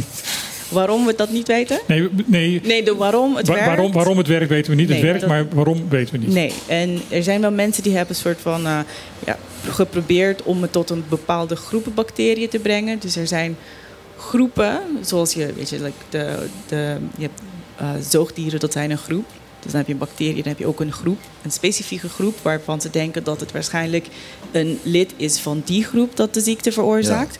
Maar verder dan dat zijn we nog niet gekomen. Dus je, je hebt een groep usual suspects, zullen we Ja. zeggen. Ja. Ik neem aan dat het onderzoek daar erg eh, sterk naar is. Want als je weet welke bacterie het is, kan je veel gerichter en veel eh, effectiever bestrijden. Precies, en dat, dat zijn nog, als, nog steeds eh, onderzoeken die, heel, die lopen. Eh een van de problemen is dat we waarschijnlijk deze bacterie dus niet in het lab kunnen kweken. Hm. Want ja, Het wordt een gro- ja, je moet het echt per toeval treffen. Dus wat er vooral nu wordt gedaan, is er wordt gekeken op basis van DNA-analyses. Dus dan, dan pak je DNA-monsters van gezonde koralen en DNA-monsters van zieke koralen. En dan ga je proberen te kijken welke stukjes DNA hebben ze, heb je, vind je op alle zieke koralen, maar vind je niet op de gezonde koralen. En dan van op die manier terugwerken. Dus het is best veel werk. Het is wel best ingewikkeld werk ook. Dus daarom dat het ook nog heel wat tijd duurt. Ehm, en, maar als ik zou kijken naar andere koraalziektes die we hebben gehad, zijn we in tien jaar veel verder gekomen naar het identificeren van de culprit voor deze Maar ziekte. ja, goed, de, de, de noodzaak werd ook steeds groter. de het- noodzaak is ook veel groter. En De dus noodzaak er is komt ook geld. Ja, de noodzaak is enorm, want natuurlijk het hele Caribische gebied heeft ermee te maken. De ziekte verspreidt zich Ja. nog steeds verder. Dus in zoverre, hè, wij zijn gewoon ook in, een, in eigenlijk een de ziektebaan... zijn wij gewoon een van de volgende eilanden die Ja. het kregen. En dat gaat weer door. laatste. Ja. Het was Ja, al wij, negen waren, jaar. wij waren een van de laatste. En een van de, een van de concerns die er nu zijn, is voor de eilanden in de Pacific. Want die zijn dus heel bang dat deze ziekte ook daar Ja, terecht komt. overslaat naar de Stille dat het Oceaan. overslaat naar de Stille Oceaan en naar de Coral Triangle. Want over het algemeen, koralen in het Caribisch gebied... die hebben een soort van een hele lange geschiedenis van ziektes krijgen. Maar in het Pacifische regio niet. Mhm. Dus het- er is een kans dat als deze ziekte daar komt... dat het voor hun ook nog veel Keihard- erger ga- keihard kan... aanslaat, ja. Ja, Precies, nou ja, daar komt ons. dan weer het probleem bij dat het altijd in een haven begint. Dus dat het waarschijnlijk door eh, schepen wordt verspreid. Ehm, dus het gevaar is dat er een schip door het Panama-kanaal gaat. En, Het eh, gevaar is er zeker. En eh, wat ze nu doen, wat heel veel van de eilanden hebben gedaan, is ze hebben het gemandateerd dat alle schepen die binnenkomen, die via het Caribisch gebied zijn gekomen, die moeten, ik weet niet hoeveel mijl buiten de kust, eerst hun ballastwater uitwisselen voordat ze naar binnen kunnen varen. Dus de, de nood is wel echt wel heel groot. En mensen Ja. zijn echt heel bang dat deze ziekte zich dan ook overslaat naar andere regio's. Wel heel goed dat, eh, dat dat bewustzijn er is. Ja, dat zeker. Ja, maar hij heeft ook, de, deze ziekte heeft zoveel schade gegeven voor zoveel landen. ehm, dat, dat dat bewustzijn, dat, ja, dat, dat moet wel volgen. Want er zijn, ja, als je kijkt naar andere landen, de situatie daar, maar dat kun jij beter vertellen. Ja, we hebben natuurlijk. Ja. Nee, we hebben contact natuurlijk met, alle, met veel van de andere eilanden en landen in de regio. En voor veel plekken zeggen ze, we zijn minimaal de helft van ons koraal kwijtgeraakt. Ehm, het kan zelfs meer zijn. Ehm, maar wat Bonaire ook eigenlijk in een unieke positie plaatst is... wij hebben hele goede baselines die teruggaan van naar de jaren 70. De meeste plekken hebben dat niet. Dus wat ze nu hebben is een soort van... oké, we hebben aan het begin van de ziekte misschien een survey gedaan... en dan twee jaar later nog een keer een survey. En daaruit blijkt dat we 50% kwijt zijn geraakt. Maar het Ja. kan veel hoger liggen. En de ziekte is er nog. Ja. Dus dingen blijven nog steeds doodgaan. Er, zijn nu, er is nu één soort, dat is de pillar coral. Die is lokaal, die is verklaard als lokaal uitgestorven in Amerika. En ook op andere eilanden vinden ze die soort gewoon Ja. eigenlijk niet meer op het rif. Maar wij hebben ze nog. Wij hebben ze nog. Dus dat, is, dat maakt het ook heel belangrijk dat als we het gaan hebben over wat willen we doen voor de toekomst van het RIF, Ja. dat we moeten kijken naar alle opties die we hebben. Dus dat je daar niet- ook extra op gaat letten en dat je dat soort koralen, waarvan je weet dat ze extra gevoelig zijn, dat je die veel en goed eh, met de. eh, ja, dat je die goed behandelt met de antibiotica, maar ook de andere technieken. Als we het gaan hebben over koraalbaby's bewaren, nou, dan wil je specifiek van die soorten veel koraalbaby's Ja, kunnen ja, krijgen ja. die je dan kunt bewaren. Je wil eigenlijk een soort naturalis zijn. Hè? Naturalis wil ook overal een sample van hebben om het te hebben, zodat je in ieder geval die biodiversiteit vastlegt. En dat is ook waar wij nu over spreken. Dus Soort, eh, oftewel. Wereldzadenkruis, Het kluis, maar, dan, maar dan voor, voor koralen. Ja, het vastleggen van je biodiversiteit, zodat als je, je ziekte zijn, zijn, zijn, ja, er doorheen is geraast, dat je dan op een gegeven moment weer kan kijken hoe je het terug kan, eh, kan planten. Precies. We lopen een beetje tegen het eind van het programma aan. Dus Ja. ja, Nu al? ja nu al. Dus Ja, als jij nog even nog een, kwartier. nummertje, ja, maar dan kunnen jullie even bedenken van wat jullie nog echt per se willen vertellen. Ja, oké, dan gooi ik eventjes eh, heel toepasselijk Cool in the Gang erin met Too Hot.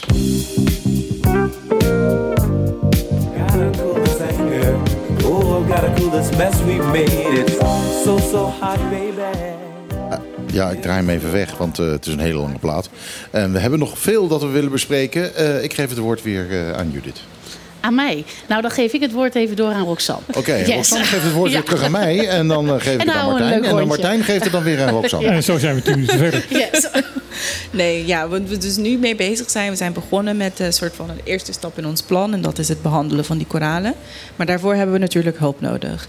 En waar we vooral op zoek naar zijn, zijn mensen die, die hier wonen. Dus mensen die voor langere periodes beschikbaar zijn. Die we dan kunnen trainen in niet alleen het aanbrengen van de antibiotica, maar natuurlijk ook het herkennen van de ziekte. Maar daar moet je dus goed voor kunnen duiken. Ja, daar moet je ook goed voor kunnen duiken. Vooral voor het behandelstapje. Want ja, je buoyancy die moet goed zitten. En je wilt niet dat terwijl je behandelt, je dan tegen allemaal andere dingen ook aanstoot. Of dat je dan zelf antibiotica gaat zetten op dingen die eigenlijk geen antibiotica nodig hebben. Dus dat, is, dat vergt natuurlijk allemaal training. Uh, op onze sociale kanalen staat een link. Waar mensen zich dan kunnen registreren en aanmelden voor de volunteersessies. En we gaan in medio januari mensen dan uh, uitnodigen voor de trainingssessies. Waarbij we dan training geven in herkennen van verschillende koraalsoorten. Wat zijn de criteria voor behandeling? Hoe breng je die behandeling aan? Maar ook een klein gedeelte van hoe monitor je het? Want we moeten natuurlijk ook kunnen rapporteren van... oké, okay, we hebben 50 koralen behandeld en daarvan zijn 30 overleefd. Of we hebben 50 behandeld en 10 hebben het overleefd. Of wat Ja. dan ook. Want je wilt ook een evaluatiestap hebben in je proces. Ik neem aan dat je kaartjes maakt van eh, deze, deze dingen. eh, of misschien zelfs eh, eh, ze, eh, ze markeert op een of andere manier. Ja, we, gaan, we gaan ook natuurlijk ook samen met de vrijwilligers dan kijken van wat is de beste manier van het, eh, het monitoren. Want het moet ook doable blijven natuurlijk. Ik kan Ja. al van alles verzinnen met mijn scientific kop, maar dan ga je het uitvoeren en dan Nee, merk je is, van... dat is wat de meestal gebeurt. Dus eh, Roxanne komt dan en die zegt tegen de rangers... joh, ga, ga lekker monitoren. En dan gaan we heel wetenschappelijk. En dan zeggen die rangers van, ja, nee. En dan niet. vervolgens kunnen we gaan aanpassen... naar iets wat wel behapbaar is. Want dat is het, Ja. het moet behapbaar zijn. Jullie zeiden net eh, de- tijdens de muziek zei je van dat eh, de, vergunning ook eist dat de vrijwilligers onder leiding staan van een, Ja. van een ranger. Juist, ja. Dus, eh, dus het is zo dat ehm, dat is voor ons natuurlijk best wel eh, lastig. Want we weten ook dat we het sargassumseizoen ingaan. Eh, we hebben alweer de eerste kleine influxjes sargassum eh, gehad. Niks alarmerends, nog niet de sargassumbooms eruit. Maar we weten wel gezien ja, de ervaring van de afgelopen jaren... dat we in januari Ja. kunnen gaan beginnen. Dus en in de janu- hitte van de afgelopen zomer natuurlijk. Dat, dat, want dan groeit het. Ja. Eh, en daarna komt er deze kant uit drijven. Dus, dus ja. we verwachten waarschijnlijk, neem ik aan, eh, een hele grote, zware... Toch, toch niet. Eh, want we doen natuurlijk ook het monitoring van het sargassum... zodat we op tijd die booms kunnen uitzetten en kunnen plannen. En op dit moment hebben we in het Caribisch gebied de laagste hoeveelheden sargassum sinds 2011. Oh, Wow.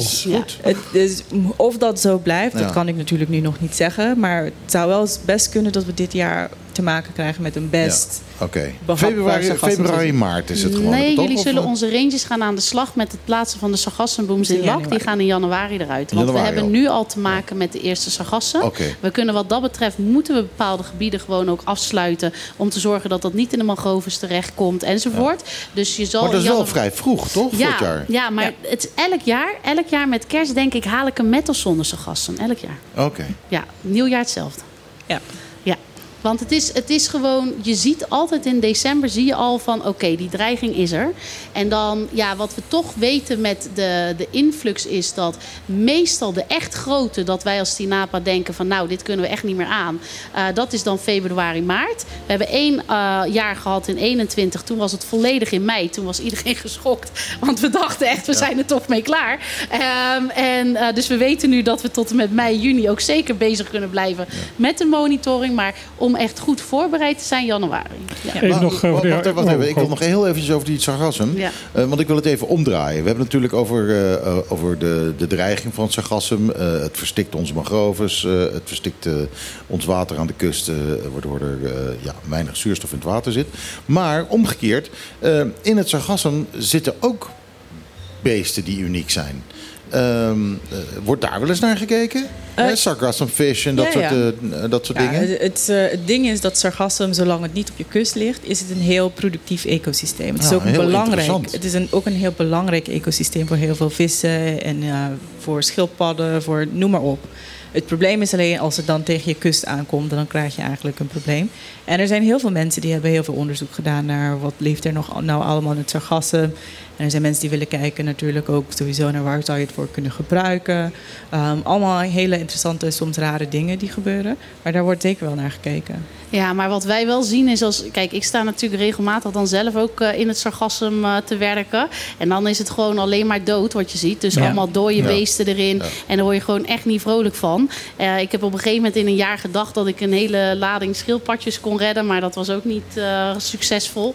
Eh, want dan is het weer heel lastig dat die schildpadden eigenlijk op dat sargassum leven. Dus dan moet je ze eigenlijk weer met plukken sargassum op een goede manier uitzetten op Ja. de zee. Ja, ja. Niet te doen allemaal. Dus eh, ja, wat dat betreft. eh, Oh, wat zijn dit voor schildpadjes dan? ja, hele kleine. Nee, de- het zijn dus de, de babyschildpadjes. Die, Oh, gaan, naar, die gaan naar die Green, sargassumvelden. tur- green turtles, hawksbills, ja, eh, van maar alles. klein. Ja, de baby's. En dan leven ze in dat sargassum. Ik Maar- ga eventjes, want we zitten aan- echt tegen het einde van de. En ik wil nog dat jullie eventjes vertellen waar mensen die belangstelling hebben om als vrijwilliger mee te gaan werken aan de bestrijding van Schedel D zich kunnen melden. Ja, je kan, je, ja, ik weet niet precies waar het op onze sociale media staat, maar je kan zeker een mail sturen naar info.stinapa.org. En dan kunnen we je op weg leiden. Dan kan je je aanmelden voor het helpen met het bestrijden van de Skittle D. Dat is het behandelen van de koralen in deze instantie. Maar het programma gaat natuurlijk blijven groeien. Dus op de, laten we zeggen, de eerste één of twee jaar... dan hebben we het voornamelijk over behandelingen. Maar dan hebben we het in de toekomst ook over helpen met coral spawning events... helpen met het verzamelen van die coral babies... Ja. Noem maar op. Allemaal hele leuke, interessante dingen. En die mensen kunnen zich dan bij ons melden. Maar ook iedereen die interesse heeft bij de zonatie van LAC. We hebben daarvoor ook een online vorm. En dan zouden we echt super waarderen als mensen al hun feedback in die forms kunnen zetten. Want dat kunnen we Niet op veel be- Facebook zetten, maar op Niet op. Facebook, zet het in de vorm. Uh, je kan ook je contact details achterlaten. En dan kan je ook meedoen aan vervolgsessies over de zonation. Maar ook als we het in de toekomst gaan hebben over hoe willen we eigenlijk dat het park zich blijft ontwikkelen en het gebruik daarvan. Oké. Met andere woorden, als je het niet eens bent of de andere dingen anders wilt of vindt dat er anders moet in die zonering, eh, neem contact met jullie op. Jullie luisteren. Ja, zeker weten. Meld dat, ja, want we luisteren er zeker naar en we nemen het ook heel serieus. En onze bedoeling is om echt te komen met een zonering die gewoon, ja, die gewoon het gebruik van het lak goed blijft houden en dat iedereen daar ook een baat bij voelt. Dus het is absoluut niet de bedoeling om bepaalde sporten te weren. Uiteindelijk, we hebben jullie feedback nodig om ook gewoon te weten wat er speelt, te weten wat het sentiment is en die feedback en input te kunnen integreren in een goed nieuw zoneringsplan. En te weten welke sporten je wilt weren. Uh, nou nee, vooral om te weten van... Hamsterballen. Hoe we, hamsterballen. Hamsterballen. Oh, Hamsterballen. Ja, waar gaan we die hamsterballen zetten? Nee, dat is nou de vraag. ja, nee. Ehm, eh, nog, ik heb nog één vraag eh, over, die, eh, ehm, eh, over die volunteers. Ehm, waar, moet, waar moeten die rekenen? Nou, dat, dat, dat is eigenlijk waarom ik deze vraag stel. Ehm, eh, hoeveel tijd zijn die kwijt in een week? Eh, in principe is het één duik per week. Eén duik per week. Eén duik per week. Nou, Ja. dat, moet, dat zou ik moeten Dat zou kunnen. toch moeten kunnen. Dat, Ga dat, je dat, redden. dat moet iedereen kunnen dat, en dat kan ik ook. En een Ja. bak aan informatie en rijkdom qua eh, gewoon dat je weet wat er aan de hand is Ja. op En het gevoel dat je er wat aan gedaan hebt. Juist. Hey, maar ik weet al heel veel, hè? Ik weet, ik weet, ik weet de hobbywereld, hoor. Ja, uh, misa hobbitane, zie. Nee, het, het bestrijdt natuurlijk het gevoel van machteloosheid ook. Ja, dat ook. En we gaan allemaal dus zoveel mogelijk ons best doen om iets van een gezond rif over te hebben aan het einde van dit Ja, verhaal. we eindigen met een wonderful world. Exact. Laten we dat afspreken. En fijne feestdagen hopelijk. Dat Absoluut. sowieso, voor iedereen. Voor en de iedereen. En de mensen een welbehagen. Ehm, ja, dit was Op de Klippen. Eh, we hebben eh, best over veel interessante dingen gehad. één Ik- te gaan dit- Het dit is jaar. altijd heerlijk, heerlijk, heerlijk om jullie te hebben. Kom vaker langs. Ja, Gaan we ja, doen. Het is, Ja. eh, een- het is altijd, eh, altijd leerzaam. Eh, het is interessant. En eh, eh, ja, ik, eh, ja, gewoon fijn. Gezellig ook. Jullie zijn gezellig. Ehm, maar goed, dit was Op de Klippen. Volgende week zijn we er weer van 12 tot 2. Ehm, dat is de laatste. de laatste van het De jaar. laatste van het jaar. Nou, we gaan niet, we gaan niet, we gaan toch geen lijstjes maken van. Nee, nee, nee, nee, nee, nee. Oh, er moet een foto gemaakt worden. Wordt een foto We gaan een lijstje maken van de dingen die waar we geen lijstje van gaan maken. Ja, laten we dat doen. Eh, nee, dan krijgen we het nog steeds een lijstje. Eh, goed. ehm, eh, wij hadden geen Peter Kroon voor het programma. Dat is interessant. We hebben wel na het programma hebben we Ron Gijzen met de Klaat op 20. Ehm, eh, dus we gaan zien wie er, wie er nummer 1 staat op Bonaire en wie niet. Ehm, waar, eh, ik ben weer helemaal in de war. Eh, volgende week zijn we er wel, van 12 tot 2. En voor nu zijn we heel erg dankbaar dat iedereen er was. Dat iedereen heeft geluisterd. Eh, en ik zeg toch gewoon tot volgende week. En, en met z'n allen zeggen we met een zeer welgemeend woord... Ajootje. Cadeautje. Tot volgende week. Iedere zaterdag tussen 12 en 2. Live met Michiel en Martijn. Wat een feest! Dit is op de klippen. 901.1. Don't know much about history. Don't know much about